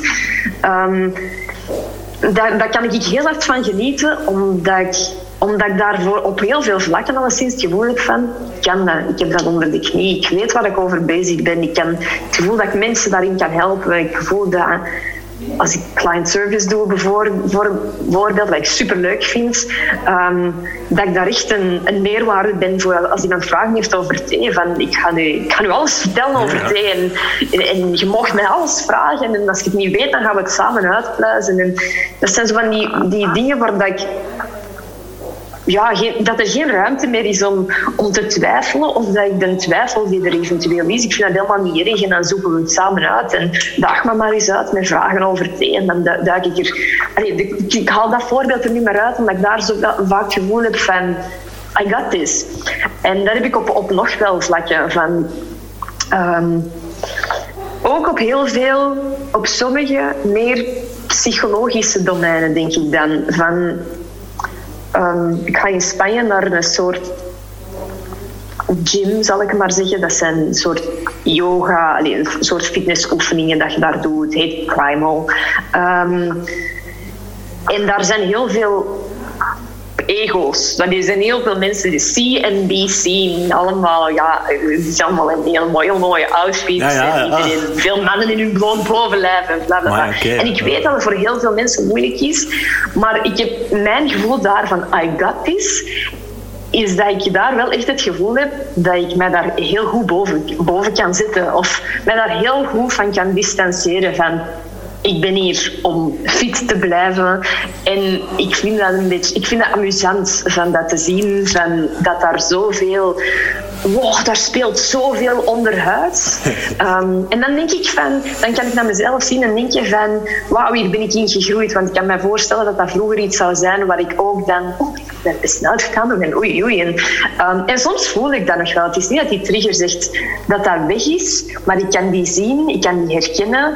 Um, en ik kan daar een beetje mee lachen ook bij mezelf. Zo, zo van, oh, oh wat is het, Steffi? Moeten we vandaag toch een schone outfit hebben? Iets te bewijzen vandaag? Ja. Uh, tegenover die mensen. En, en op dat vlak heb ik dan wel zo het gevoel van, wauw, daar ben ik veel, veel in gegroeid. Van, um, van zo'n dingen te spotten en daar op een juiste manier voor mezelf mee te kunnen omgaan. Dus op het vlak van competentie zie ik ook heel veel van die dingen. Van, oké, daar ben ik psychologisch heb ik daar veel, veel meer onder de knie om daar um, mee om te kunnen. Ook bijvoorbeeld um, met de ups en downs in mijn eigen leven. Um, ben ik in de laatste jaren beter geworden. De laatste jaren zijn er zeker niet makkelijk op geweest. Ik heb een aantal, vind ik zelf, heel moeilijke jaren achter de rug. Maar ik ben beter in acceptatie daarvan, bijvoorbeeld. Ik ben beter in te weten van, nu ben ik down en ik, ik, ik herken dat ik down ben en morgen is een nieuwe dag, bijvoorbeeld. Terwijl ik dan mij vroeger heel vaak veel harder in kon laten meeslepen of heel donker, donker in mijn gedachten uh, gaan. Terwijl ik nu zoiets heb van Um, ik weet dat dat erbij hoort en dat dat een beetje de flow van het leven is. Like a heartbeat, uh, up and down en up and down. En, en dat dat erbij hoort. En, ook zo met competent voelen, ik kan ook met de lows. I can handle it. Um, en dat zijn een aantal competenties die, die ik eigenlijk heel hoog inschat. Want dat zijn dingen die ik niet altijd had. En die, als je dat niet hebt, dat, dan, dat heeft een hele grote impact op je leven. Um, en vandaar dat ik vind dat qua competentie op zo'n vlakke zijn de reden waarom dat ik daar redelijk hoog inschat momenteel. Omdat ik die flexibiliteit kunnen omgaan met een heel aantal verschillende zaken die, die niet aangenaam zijn. Um, dat ik daar flexibeler in ben geworden. Ik laat ook nog een heel grote ruimte die meer dan 25% toch nog voor... Er is ook nog veel werk aan de winkel. En er zijn heel veel dingen waar ik nog niet mij, mij als niet competent um, zie. Maar het feit dat ik, dat ik in de laatste jaren bepaalde dingen heb kunnen omschakelen, um, ja, maakt mij daar ook wel uh, positief in. Van, er zijn dingen waar je niet goed in kunt zijn, die je echt wel kunt omdraaien. Ja, ja. ja. Groeien, groeien in je competentie, ja, dat is. Uh nou, weet je, één op drie mensen kunnen niet benoemen voor zichzelf waar ze goed in zijn. Hè. Dus, dus dat is, daar zit heel veel kracht in, vaak om, om dat voor jezelf is. Ja, als je een bepaalde, er zijn bepaalde. Um, je hebt een talentenwijze en je hebt bepaalde uh, in de psychologie vragenlijsten of, of dingen uh, om zo eens een lijst voor uw neus te, te, krijgen en daar eens door te gaan en te zien van ah ja, ja ik ben inderdaad wel betrouwbaar of, of optimistisch of zorgzaam of moedig of weet, allez, weet je wel um, en dat dan ook eens bespreken met anderen. Um, dat, dat is dat wat, wat ik met mijn cliënten vaak ook wel eens doe van denk daar nu voor jezelf eens over na jij gaat bepaalde dingen aanduiden dat je denkt dat jij wel bent, maar als je dan met je partner maar, of, of met je ouders of met, met je zakenpartner of, of whatever uh, het daarover hebt, ja, die kan misschien wel zeggen van, ah, ik vind u zeker dat, waarvan dat je van je eigen denkt van, oh, is dat zo? En, en dat, is, dan weer al een positieve boost voor, voor je zelfvertrouwen. Oké, ja, als, als mijn eigen partner dat zegt, ja, dan zal dat wel. ja, en ik denk, ik denk ook daar dat het, dat het ook daar is van de dingen waar je competent in bent, die ziet je vaak niet. Omdat je veel meer geconfronteerd wordt met de dingen waar je niet competent bent. Want dat zijn de dingen die hindernissen vormen. En ja, als je naar de straten aan het rijden bent, dan staat het er niet bij stil. Maar als je overal allemaal hinder, eh, hindernissenparcours neemt, dan is het plots wel zo. Ik denk ook vaak naar bijvoorbeeld. Ik hoor heel vaak mensen zeggen van ehm, ja, maar jij bent zo creatief. En ik ben, hoeveel mensen dat zeggen, ik ben echt helemaal niet creatief dat ik zie van ja, maar kijk eens hoe je gekleed gaat. Zie je zo wat, wat je allemaal met je haar kunt, kunt doen. En dat mensen zie je zo hoe, um, wat dat die in hun job wel van, van creativiteit leggen. Maar mensen gaan bijvoorbeeld dat direct, ah, creativiteit, dat, maar ik kan niet tekenen en ik speel geen instrument. En, en dus ik ben niet creatief of zo. Terwijl creatief veel, allee, op, op veel andere vlakken zich... Ehm, zich, zich ook uit, bijvoorbeeld. Dus ik denk dat vaak mensen niet zien hoe competent ze wel zijn op bepaalde vlakken. Ja, zeker en vast. Oké, goed. Um, derde psychologische basisbehoefte, autonomie. gevoel hebben jouw eigen beslissingen kunnen, te kunnen maken. Uh, als we puur naar de evolutietheorie gaan kijken en niet buiten de groep te worden gezet, want daar, ging het, daar ging het vroeger dan over. Um, hoe, als, je, als je jezelf op autonomie uh, een score zou kunnen moeten geven? Mm. Um. Ja, dan zou ik waarschijnlijk ook rond de, uh, rond de 65. dat ik allemaal safe bets hier neem. Ja. Uh, Natuurlijk ook met hetzelfde met, met bijvoorbeeld Spanje. Um, voor deels in Spanje te gaan wonen. Um, op het vlak van autonomie heeft dat mij alleszins wel een boost gegeven van je kunt die dingen beslissen en dat ook gewoon doen. en ik denk dat veel mensen niet beseffen hoe, hoe vrij je wel bent eigenlijk op dat vlak. Want sommige mensen zeggen tegen mij van maar je hebt toch echt geluk, hè? En dan denk ik, ja, nee, het is, het is beseffen dat dat niet om geluk draait, maar, maar dat je dat eigenlijk gewoon, een ieder van ons, of de, de meeste, kan, kunnen eigenlijk vandaag een ticket boeken naar een ver land en, en hij zal spreken nooit meer terugkomen. Weet je wel? Dat is iets wat dat, je bent zoveel vrijer dan dat je in hoofd... Je kunt, ik kan nu het, hier zeggen ciao en de deur uitwandelen en voor altijd rechtdoor blijven wandelen. Als ik dat nu beslis en ik wil dat doen, dat kan. En ik denk dat het het beseffen is ook van je kunt, je kunt dat, dingen hebben, hebben consequenties. Hè? Voor eeuwig blijven wandelen, op den duur valt de dood. Hè? Of je kunt ook zeggen, ik sluit mij nu op in de kamer en kom er nooit meer uit. Um, ja, er gaat een moment zijn dat je dan sterft. Um, maar je kunt dat. Het ligt wel binnen je handbereik om zo'n dingen te beslissen. En ik denk dat dat weten heel veel vrijheid al geeft. Een heel, heel, groot gevoel van autonomie. En ook omdat dan de dingen die je um, waarin je die vrijheid niet ervaart, kunt gaan kijken als ik ben nog niet klaar om die keuze te maken. Ik ben nog niet klaar om um, van die job afstand te nemen. Of ik ben nog niet klaar om van die persoon afstand te nemen. Of om dat te veranderen in mijn leven. En dan gaat je daar ook meer of minder jezelf voor, um, voor afstraffen, denk ik. Ehm, dus ja, ook daar, ik denk dat ik van ver kom en dat ik in de laatste jaren veel heb ingehaald. Niet per se dat ik die keuze daarvoor moest maken, maar het feit van dat ik die bepaalde keuzes heb gemaakt, mij wel het gevoel heeft gegeven van ik kan kiezen.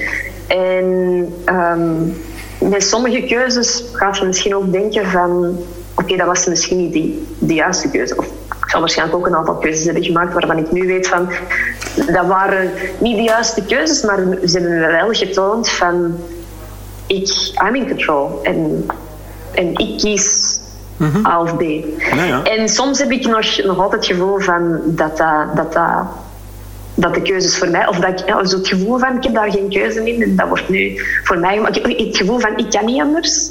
Ehm, maar als je dat dan gaat zien van het kan wel anders, maar ik kies hiervoor. Omdat ik nog niet klaar ben of, of dat ik de consequenties daarvan niet wil dragen. Ehm, dus dat is op zich wel een mooi, ehm, een mooi gevoel. Ja, en verbaast het mij een beetje dat je jezelf maar 65 geeft? Want als ik u um, daarover hoor... Misschien omdat ik bepaalde keuzes ook gewoon nog niet durf maken. Of ook, ik zit nog wel op ook mijn hele Spanje-ding bijvoorbeeld. Van, ja, maar waar hoor ik nu thuis? En wil ik nu altijd in Spanje wonen? Of ga ik toch terug naar hier komen? en hoe doe ik dat met mijn job? En kan dat nu, kan, ik kan nu niet anders dan, dan de twee op deze manier blijven, blijven, combineren. Dus ook die vragen spelen nog altijd... Um, spelen zeker nog altijd... Uh, bij mij. Of, of ik heb soms het gevoel, dat kan ook, ook gaan over over jobinhoud of zo bijvoorbeeld. Van ja, ik zou, ik zou daarop willen focussen. Maar ja, dat, dat of dat project, dat, dat levert nu nog niet voldoende geld op. Dus ja, ik kan niet alleen daarvoor gaan. Dus ik moet dat of dat er nog bij nemen. Um, terwijl ook dat niet helemaal, niet helemaal waar is. Maar er zijn nog wel veel, veel domeinen waarin ik het gevoel heb van... Ja, daar word ik weggeleid door de omstandigheden. Um, dus er is nog... Uh, ja groei mogelijk. Wat mooi is. Ja, ja gelukkig. Ja, gelukkig inderdaad. Oké, en dan uh, de biologische basisbehoeften. Uh, onder andere voeding. Uh, ja, toch ook een stuk jouw ding. Hè. Goed, uh, ondertussen ja. door uh, denk ik al een uurtje met jou aan, aan, aan babbelen te zijn. ja, hè. Ehm, weet de luisteraar dat jij zoveel meer bent dan alleen gezond koken op, op Njam. Ehm, maar goed, Voeding, ja. Als je jezelf een, een cijfer op 100 zou geven? Is uh, iets wat ook heel hard uh, swingt. En voor het moment zou ik zeggen dat ik niet per se zo goed bezig ben. Ik trish een beetje veel. ik vind dat ook oké, okay, weet je wel. Um, uh, maar het is ook druk geweest. Dat is geen, geen, geen, ik ben de eerste om te zeggen dat druk geen excuus is om, om niet goed te eten. Integendeel. Integendeel. Maar um, um, ik zou me nog altijd wel, denk ik, een 75 geven. Omdat ik wel echt probeer... Um, omdat ik weet hoe belangrijk dat is. Omdat ik weet hoeveel beter ik me voel als... want ook voeding gaat voor een stuk Um, uiteraard, uh, ik, ik, vertel heel veel over, over, waarom je gezond moet eten. Maar ook het bewust kiezen voor gezonde voeding is ook denk ik iets dat een hele grote psychologische um, game changer kan zijn. Um, ik had nooit tot mijn, mijn boeken bijvoorbeeld, tot die onderwerpen van introspectie bijvoorbeeld kunnen komen als mijn eerste ding niet was dat ik mijn voeding zo hard heb aangepast. En dat wil niet zeggen dat dat pad voor iedereen zo is, maar ik denk specifiek voor mij dat de keuze maken van I deserve better food. Mhm, ja. Ik ben het waard om. Dat is zoiets dat je voor jezelf doet. Zeker, want pas op, hè, sommige mensen denken dat dat dan nog. Je kunt ook komen vanuit. ik vind mijn eigen te dik ik vind dat niet mooi. En dan kan het weer een beetje voor anderen zijn, op een of andere manier. Dan kan het weer zijn dat je kiest voor gezond eten, omdat dat nu eenmaal mager zijn is. Ja, ja, dat schaamte, het Dat vinden we mooi, bla bla. Um, maar bij mij was dat, ik was ook mager als ik heel ongezond had iets dikker dan nu misschien, maar niet, niet noemenswaardig. Um, waardoor dat, dat echt een keuze was voor mezelf. En misschien een van de eerste grote keuzes die ik echt van, dat is nu echt alleen voor mij, want heel veel van de keuzes die wij maken zijn onrechtstreeks voor anderen. Um, een grote auto is voor een stukje comfort, maar die zijn ook heel kleine auto's, heel comfortabel. Maar voor een stukje dat toch allemaal, ook alles wat met prestige en met uiterlijk en er mooi uitzien en, en, een schoon huis en mensen kunnen ontvangen. Je doet heel veel van die dingen. Ik zeg niet uit, uh, alleen daarvoor, maar heel veel dingen zitten toch al, alleszins een stuk bij van ik doe dat ook voor anderen. Of voor, voor aanzien, voor respect, voor liefde. Van, heel onderhuids misschien, hè, maar um, zit het er toch in.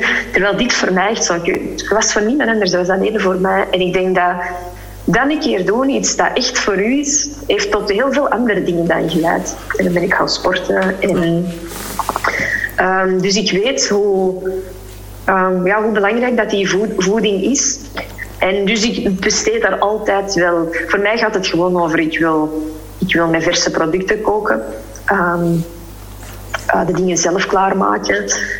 Um, en dat doe ik, maar er komt dan toch ook af en toe bij. Um, bijvoorbeeld met T.be, dan moet ik ook naar het magazijn en zo. En dan ben ik eens iets vergeten. Dan moet ik er stoppen voor iets te nemen. En dan denk ik van ja, dat, dat tel ik dan wel als minpunten, weet je wel. Um, ook al dat ik de omstandigheden wel zie. Dus op dat vlak denk ik momenteel 75, ik ben nog altijd goed bezig. Probeer ik heel veel food hacks altijd um, toe te passen. Bijvoorbeeld, ik ben nu heel erg bezig uh, met bloedsuikerstabilisatie, eh, glucose stabiliseren, omdat ik daar heel veel um, verschillen voel in hoe fit ik mij voel. Um, en omdat ik al mijn energie nodig heb. Mm -hmm.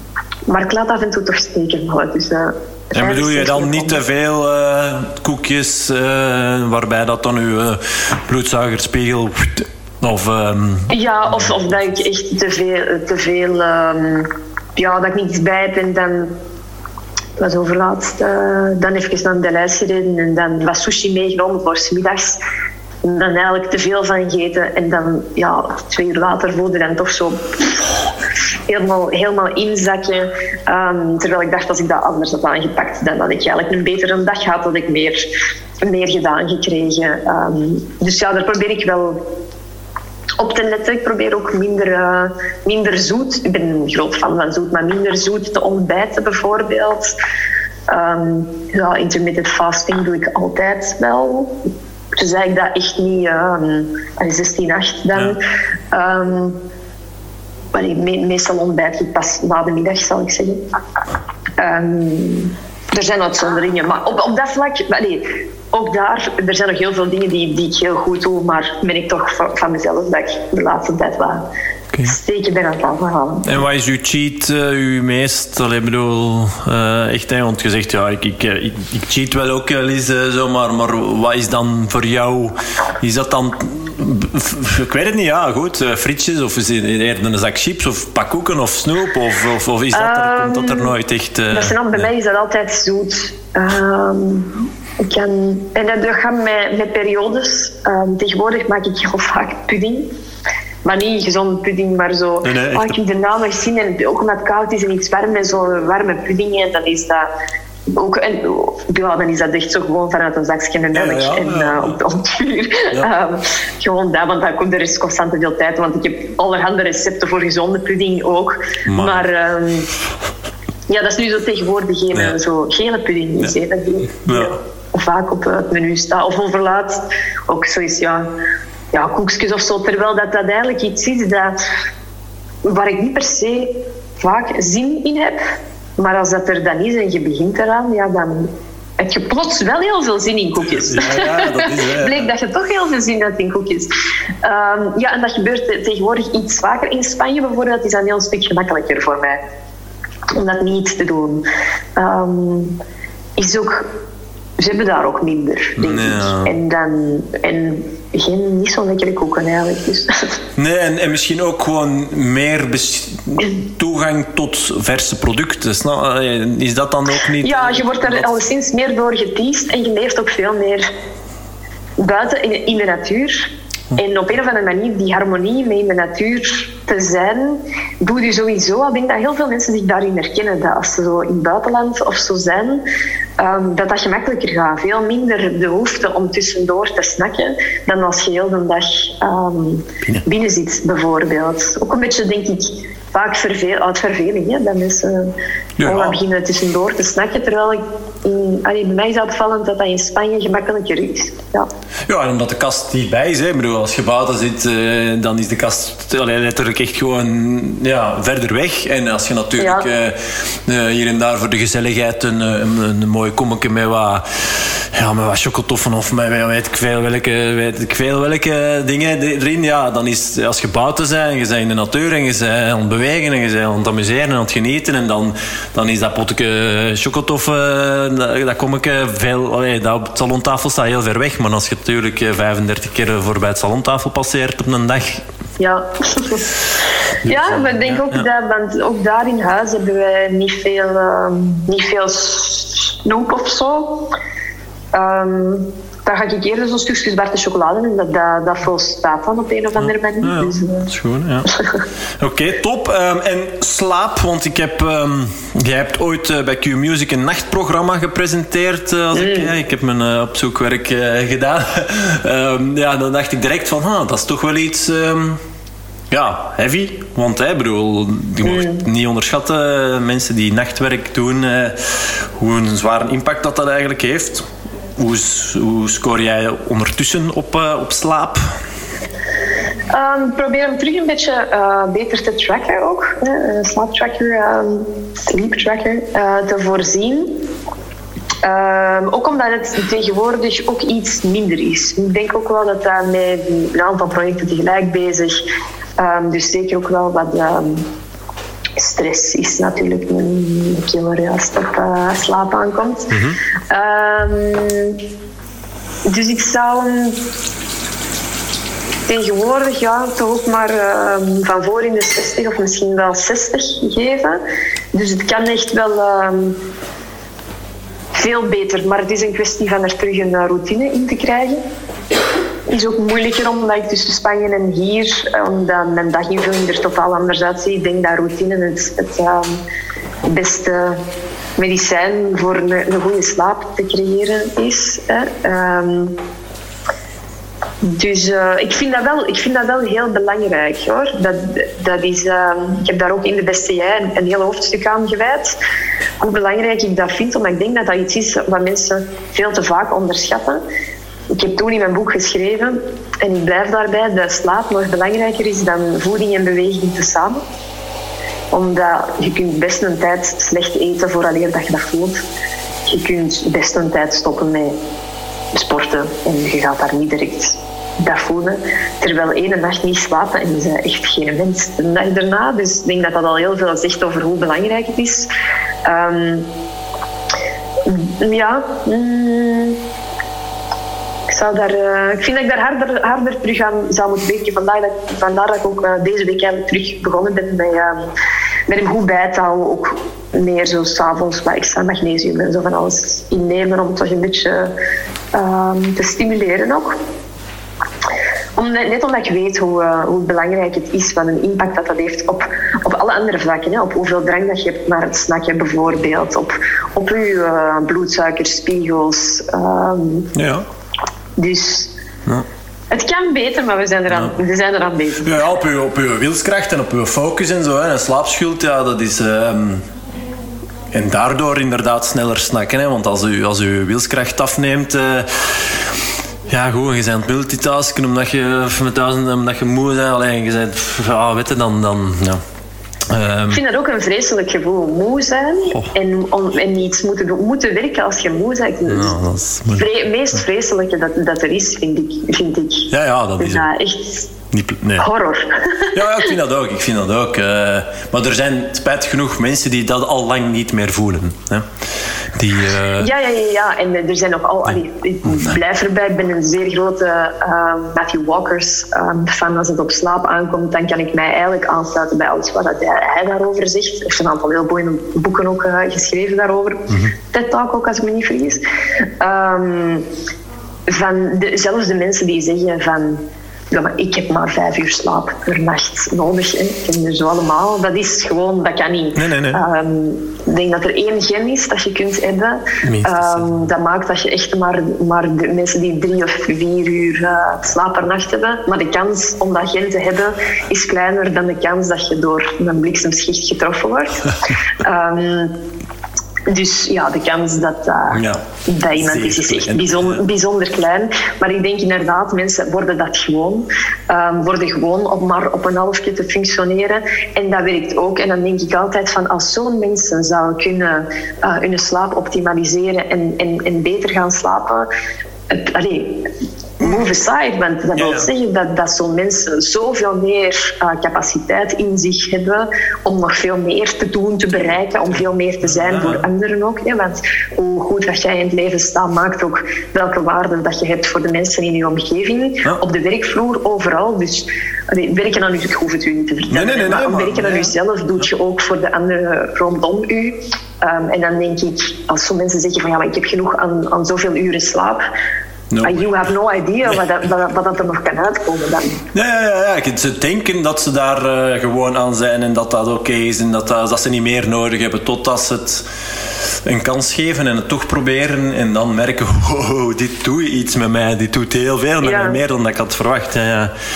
Oké, goed. Ja, um, een volgende biologische basisbehoefte, we hebben het er juist even eigenlijk al, al aangehaald. Hè. Natuur wij zijn ja, ook een, maar een deel van de natuur. Ik bedoel, Wij moeten ons in de natuur begeven om ons, uh, ons goed te voelen. Uh, de voordelen van meditatie bijvoorbeeld kun je eigenlijk ook ervaren door u tussen het groen te begeven. Concentratie, uh, noem maar op. Alleen een tal van voordelen. Ehm, hoe, zelf, hoe score jij je daarop? Ik, zou, ik heb de neiging om te zeggen, ik heb, ik eerst de neiging om te, om te gaan naar, ik scoor maar een 50. En dan heb ik de neiging om te zeggen, nee, ik scoor misschien wel 80.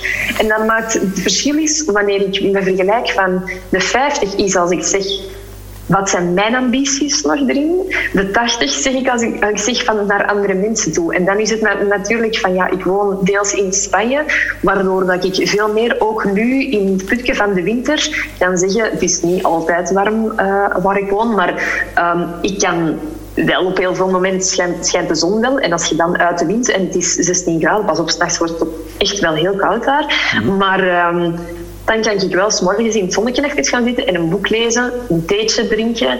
En ja, dat is bijna een meditatie aan zich. Ook het feit van zonlicht in de winter, dat is echt... Ik weet wat, wat, voor een, wat voor een chance dat ik daar heb, dat ik dat kan, kan ervaren. Um, dus op dat vlak denk ik van ja, maar tegenover andere mensen in België bijvoorbeeld, heb ik al heel veel voordeel van daar, daar te kunnen zijn. Maar ook daar, ja, je neemt het, ook ik neem het vaak als vanzelfsprekend. Ik doe dat dan als morgens, maar dan ga ik aan mijn bureau zitten en toch vervelend dat die zon dan zo in je laptop schijnt. dus uh, dan zet ik mij ook gewoon binnen aan, aan, mijn, uh, aan mijn computer. Of dan denk ik, gewoon in een prachtig bos. Maar um, ik ga nog altijd te weinig wandelen eigenlijk. Um, dus ja, het is moeilijk. Ik kan, ik kan er moeilijk een score op, op zetten. Um, vooral omdat ik, het, omdat ik het belang er heel hard van inzie. En omdat ik nog wel veel meer mezelf wil stimuleren van het, van het toch nog veel meer te doen. Nee. Um, iets waar ik wel nu mee begonnen ben, is um, van ook nu in de zee te gaan, bijvoorbeeld. Ik heb dit jaar al twee keer. Dat is te weinig voor hoeveel dat ik het zou, zou willen doen, maar het is meer dan niks. Um, toch ook, ook even zo, ook een heel grote fan van. Uh, Nee, niet grote fan van, van nee, kou, zeker niet. Nee, nee, maar um, ik besef wel hoe waardevol het is. Ja. Van uh, zowel koud te douchen, bijvoorbeeld, ja, af en toe. Um, of een, of een, ja, een ijsbad of zo, dat krijg je mij voorlopig niet in.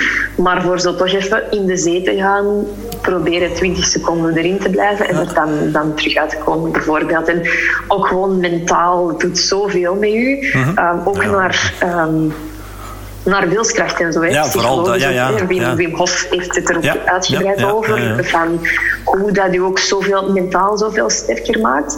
Ik heb in mijn boek De Beste Jij daar ook een stukje over geschreven, over het koud douchen.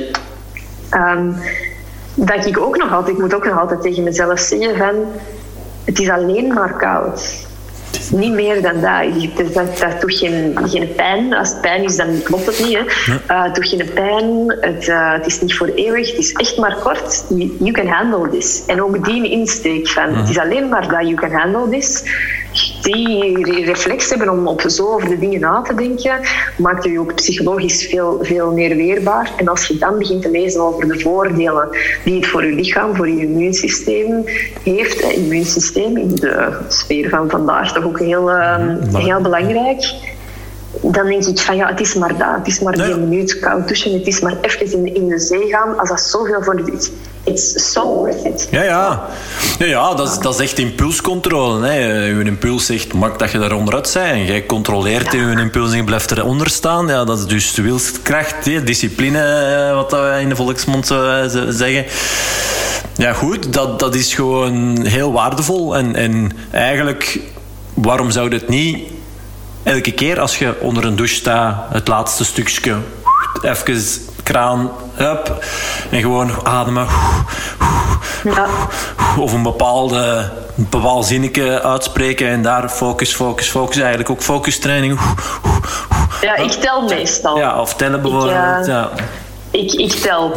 Ik tel meestal uh, onder een douche, dan, dan tel ik uh, ja. 20 seconden ja. als om op mijn rug en dan draai ik me om nog eens terug naar op 20 ja, seconden. Ja, bijvoorbeeld. Van, van voor. Ja, ja, wel. Ja. Nee, nee, het is, het is iets, het is iets, iets goed. Trouwens, um, als, je, als je het inzet voor uw impulscontrole te trainen, dus uw discipline, uw te trainen, is er ook een, een heel um, handig trucje om bijvoorbeeld uw tanden te poetsen met uw andere hand. Uw niet-dominante hand. Ik weet niet, misschien ja, je kent het al. Ja, ja, ja, ja. Ik, doe, ik, ik doe dat ook. Ik doe dat ook. Ja. Uh, heel vervelend, hè? Dat ja, heel wel, dat voelt, ja, dat is, dat is tegen uw impuls um, ingaan. Ja. Maar daar gaat, het, daar gaat het ook over. Hè. Het gaat over, over het, het niet aangename, het, ah, het niet gemakkelijk en daar toch, um, daar toch doorbreken. Maar ik denk eens je... En, en dat zie ik ook al vaak bij mensen die eens je de smaak daarvan te pakken hebt, eens je de resultaten gezien hebt, dan is dat een beste motivator. Want er, je ziet heel vaak mensen die daar dan een soort bijna een verslaving aan krijgen, maar dat is omdat ja, dat is de beste motivator als je gewoon je eigen lichaam en je eigen mentale ziet van wauw, dit heeft echt um, een impact op mij. Dus ik doe dat van... Um, meestal als ik een beetje het gevoel heb vast te zitten in, in mijn leven of in de cirkel of in wat dan ook, dan denk ik, dan zie ik die tandenborstel en denk ik, omdat dat zo'n typisch voorbeeld ja, ja. is van, uh, ja, ik ga met mijn linkerhand... Uh, ja zijn tanden poetsen. En heel de tijd heb je inderdaad ook dat je brein precies... Ja, zegt met die ja, tuurlijk, tuurlijk, maar dat is het juist. Hè. Dat is effectief echt tegen iets anders doen dan dat uw lijf wil dat je dat je doet. En, en, en dat is juist, en dat is het interessante, die, die wilskracht, die impulscontrole is trainbaar. Dus als het dan aankomt op wel dat koekje pakken of niet en daar die wilskracht moeten inzetten, ja, dan door dat gewoon meer en meer te trainen, door stomme dingen te doen, zoals even koud afdouchen, zoals met uw andere hand uw, uw tanden poetsen, ah, wel, dan gaat dat ook makkelijker gaan. En, en, en inderdaad, ik kan me... Uh, helemaal aansluiten bij wat jij zegt, dat dat dan om een duur een verslaving wordt, maar ook gewoon, dat is juist hetgene wat dat, waar dat volgens mij over draait, dat persoonlijk leiderschap en gewoon controle nemen over jouw eigen leven en over jouw eigen handelingen en, en, over, en, en dat dat juist zo mooi is, ja, dat dat dan dat verslavende is wat dat jij benoemt, zo, ja, dat dat... Uh... Alright, oké. Top. Uh, en dan de laatste uh, biologische basisbehoefte die wij als mens allemaal hebben. Uh, je hebt nog geen kinderen, denk ik toch? Voortplanting. Um, is ja, voortplanting seks. Dan mag ik zeggen, je mocht je joker inzetten. Je moet daar allee, op zich van mij niet op antwoorden. Maar het is natuurlijk wel iets wat dat wij allemaal Goed, hadden wij ons niet voortgeplant, hadden wij hier niet meer als, als dominante soort op deze planeet ge, geweest. Um, heb jij daar voor jezelf een score of zeg je vrij? Uh, dat is voor mij te privé. En, um, nee, ik vind, ik vind dat uh, er is, denk ik ook bij mij, um, zoiets van oeh, nog altijd zoiets, oeh, gaan, gaan we hierover praten? Maar anderzijds begrijp ik helemaal dat dat een heel, een heel belangrijk aspect is. Um, ook daar heel moeilijk om daar een score op te zetten, denk ik. Um, zal ik het een 70 geven? Um, ik heb op zich geen, geen drang om mijn woord te planten. Ik heb geen, geen uh, kinderwens. Okay. Um, ja, ik, ik, laat dat wel nog open. Um, ik ben er 34, dus kan nog. Ik heb nog wel een aantal jaren, maar ik heb nooit een kinderwens gehad. Dus ik denk ook niet dat dat nog gaat komen. Anderzijds, waarom zeg ik, ik laat het nog open? Want, want ik heb al jaren dat ik zou zeggen van... Mijn eerste reactie is om te zeggen, ik wil geen kinderen. Ehm, maar het gevaar ligt erin, denk ik, dat als ik, zou, als ik te vaak zeg... Ik wil geen kinderen, Um, dat ik mij ga vasthouden aan dat verhaal. En dat ik, ik, ik, zeg altijd per se, ik laat het open, omdat ik wil vermijden dat, stel dat ik binnen vier of vijf jaar, eind mijn dertig, toch zou zeggen, eigenlijk wil ik kinderen, dan zou ik het erg vinden dat ik het dan niet zou doen, omdat ik in mijn hoofd zo lang heb gestoken, ik, ik, ben, ik ben degene die, die, dat ik mij zo gedefinieerd heb als degene die geen kinderen wilt. Um, dingen kunnen veranderen, weet je wel. En mijn mama zegt altijd, Steffi, plots wilde kinderen. en dan moet dat nu gebeuren. Het is er nog niet uh, geweest bij mij. Dus ik, ik, ik, denk van niet. Ik vind dat ook prima. Er zijn genoeg kinderen op de wereld. Uh, niemand zit te wachten op nog een extra kind van mij per se. Uh, dus ik denk niet dat dat, Misschien dat zoveel zou, zou bijdragen aan het, aan het geheel. Ook, niet, ook geen afbreuk zou nee, doen. Nee, nee, Laat dat duidelijk zijn. Maar... Um, het hoeft voor mij zeker niet. Ik heb er geen wens van. Ik denk ook dat kinderen.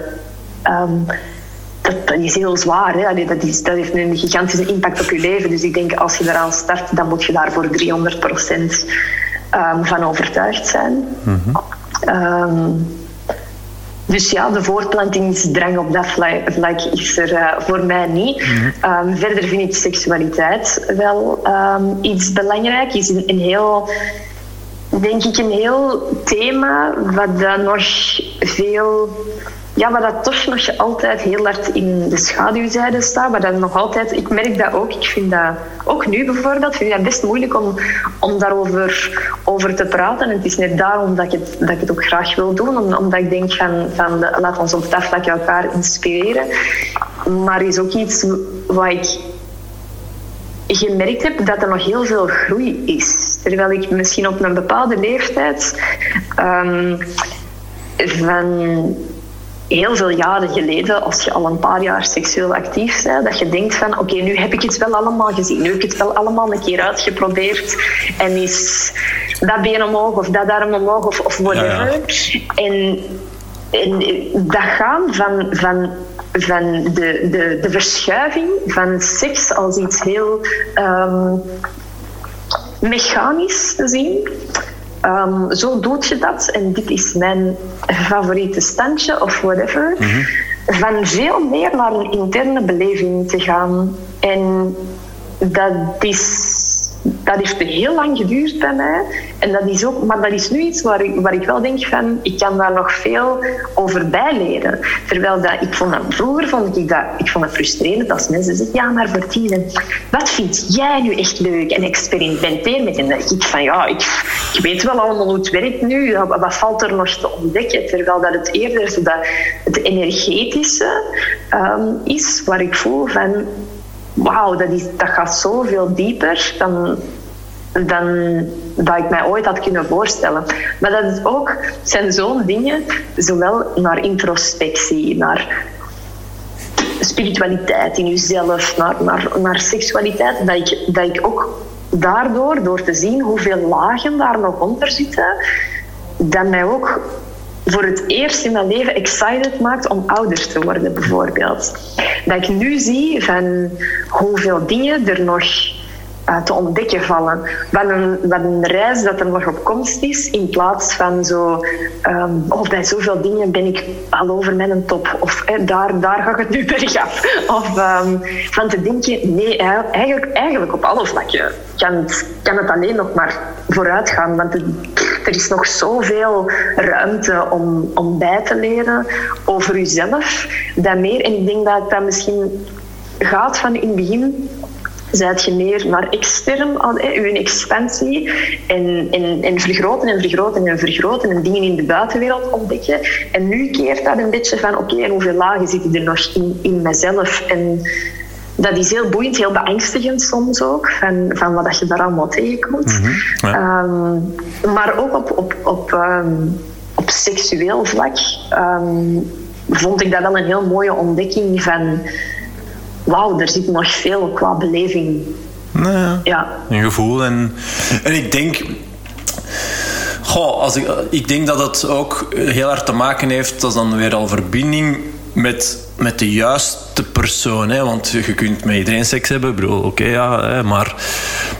Wat uw mama zegt op een gegeven moment komt dat dan ineens, die kinderwens? Goed, uh, dat, maar ik denk dat dat ook heel hard kan samenhangen met de connectie, de verbinding met de juiste persoon. Als je misschien op een gegeven moment een relatie aangaat met een bepaalde persoon en, en dat dat dan misschien ook de aanleiding kan zijn dat je dat dan ineens wel wilt. Hè. Uh, terwijl als je, kan, als je vrijgezel bent, is dat veel logischer om, om te zeggen: ja, ik, ik wil geen kinderen. Want, want ja, goed, je bent nog altijd met twee. Uh, allez, je, je, moet met twee zijn om. Uh, allez, om er één te maken. Nee, maar niet om er één op te voeden, maar, maar wel uh, om, om er één te maken moet je nog altijd wel een zaadcel uh, hebben. Bedoel, uh, en dat kan ook gewoon van, hè, want dus ook ken ik er ook.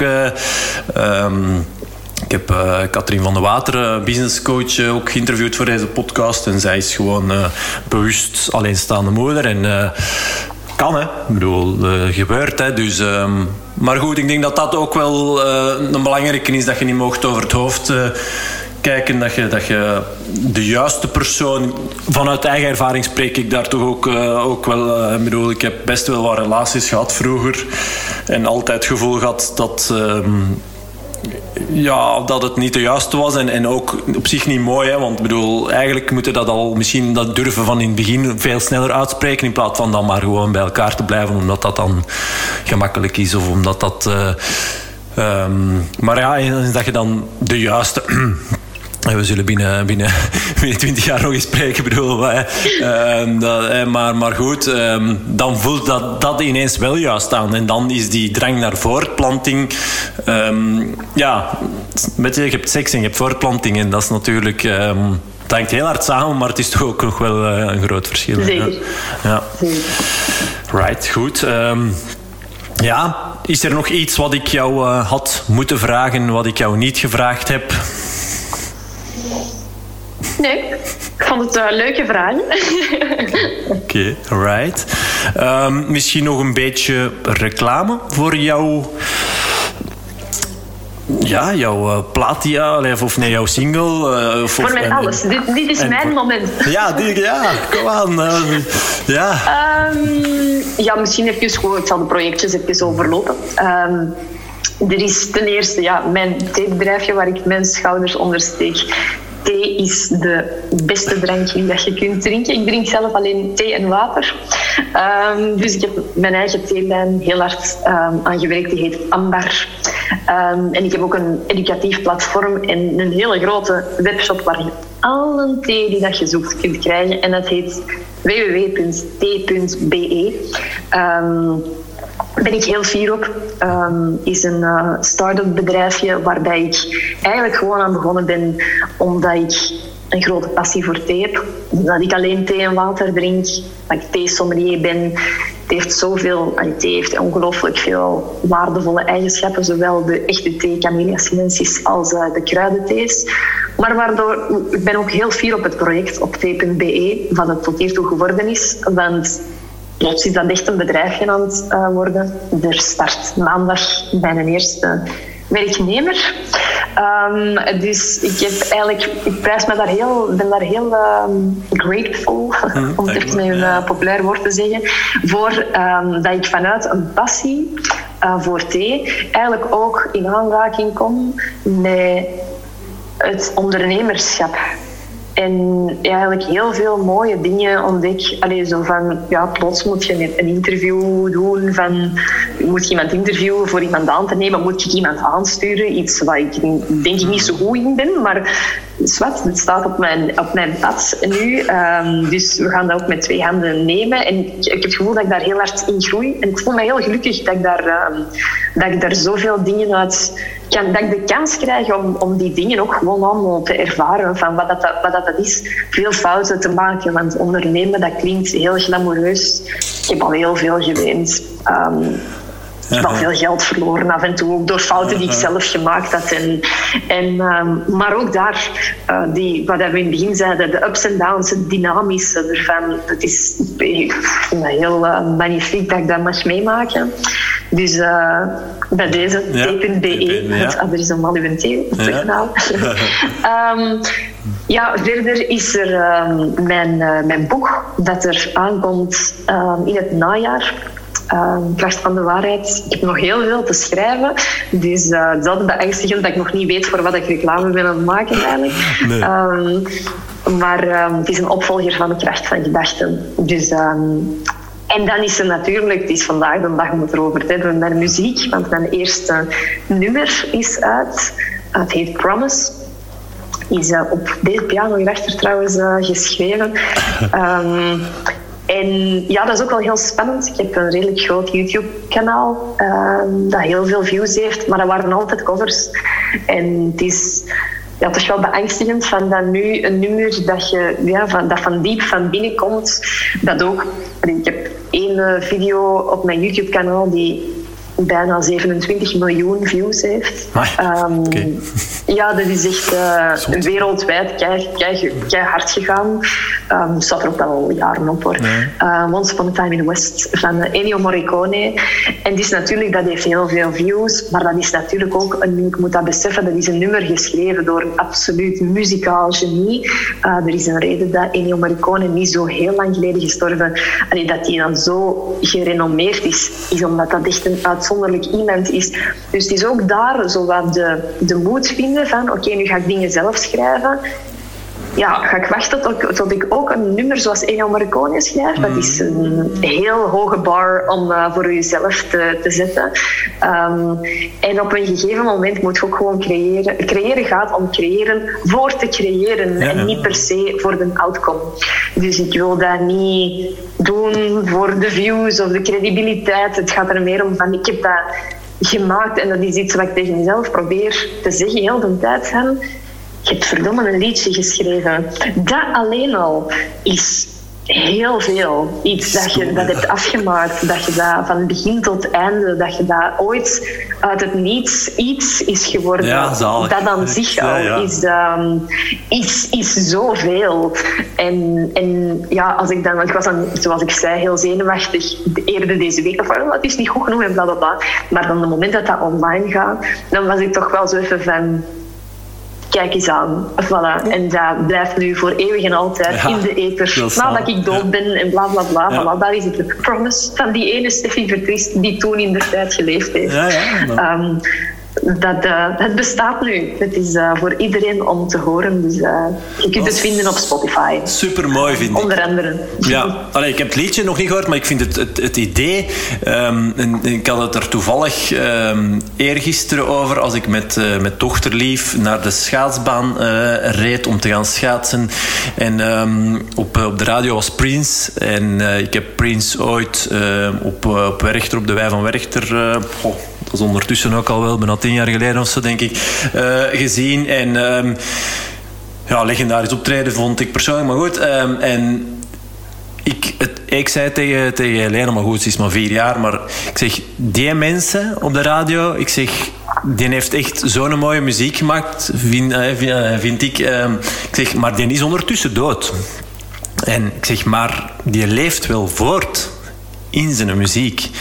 En dat is een beetje ook inderdaad met boeken schrijven. En, en, en dat zei over laatst iemand tegen mij: van je, je, je schrijft om, om, je blijft voortleven in datgene wat je geschreven hebt. En, en met muziek is dat zeker ook. En, en ik heb. Uh, ja, zelf ook al wel nagedacht over uh, doelen en eigenlijk ook um, ik, ga van heel veel doelen naar, naar getrechterd uh, x aantal kleinere doelen die dan eh, daar waar je voor wilt gaan. En op mijn oorspronkelijke grote doelenlijst uh, ooit een, een, liedje kunnen maken en, en, uh, en bijvoorbeeld gitaar kunnen spelen, saxofoon bijvoorbeeld. Is, ook, zijn ook allemaal dingen en ga ik ze echt allemaal waarmaken? Waarschijnlijk niet, maar ik vind als zeker, en, en dat is dan waar we er straks over hadden, als ik u er zie over vertellen dan is het is heel mooi om te zien, omdat je helemaal openbloeit. En ik denk dat je, uh, je waart op je vier jaar al aan het zeggen dat je zangeres ging worden.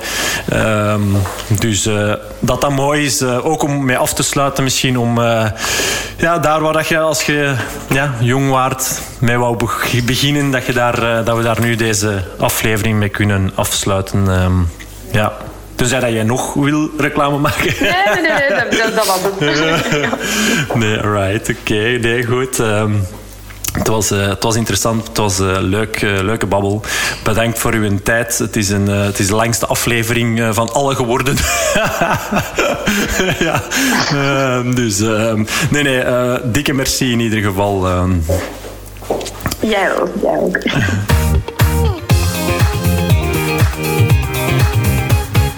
Ziezo, dat was hij weer al, de 43ste aflevering van deze Goed in je Vel podcast. Ik ben benieuwd wat jij ervan hebt opgestoken en wat er het hardst is blijven hangen. Laat maar even van je horen. Dat vind ik altijd uh, leuk. Dat maakt het toch wat net ja, minder eenrichtingsverkeer en toch wat persoonlijker.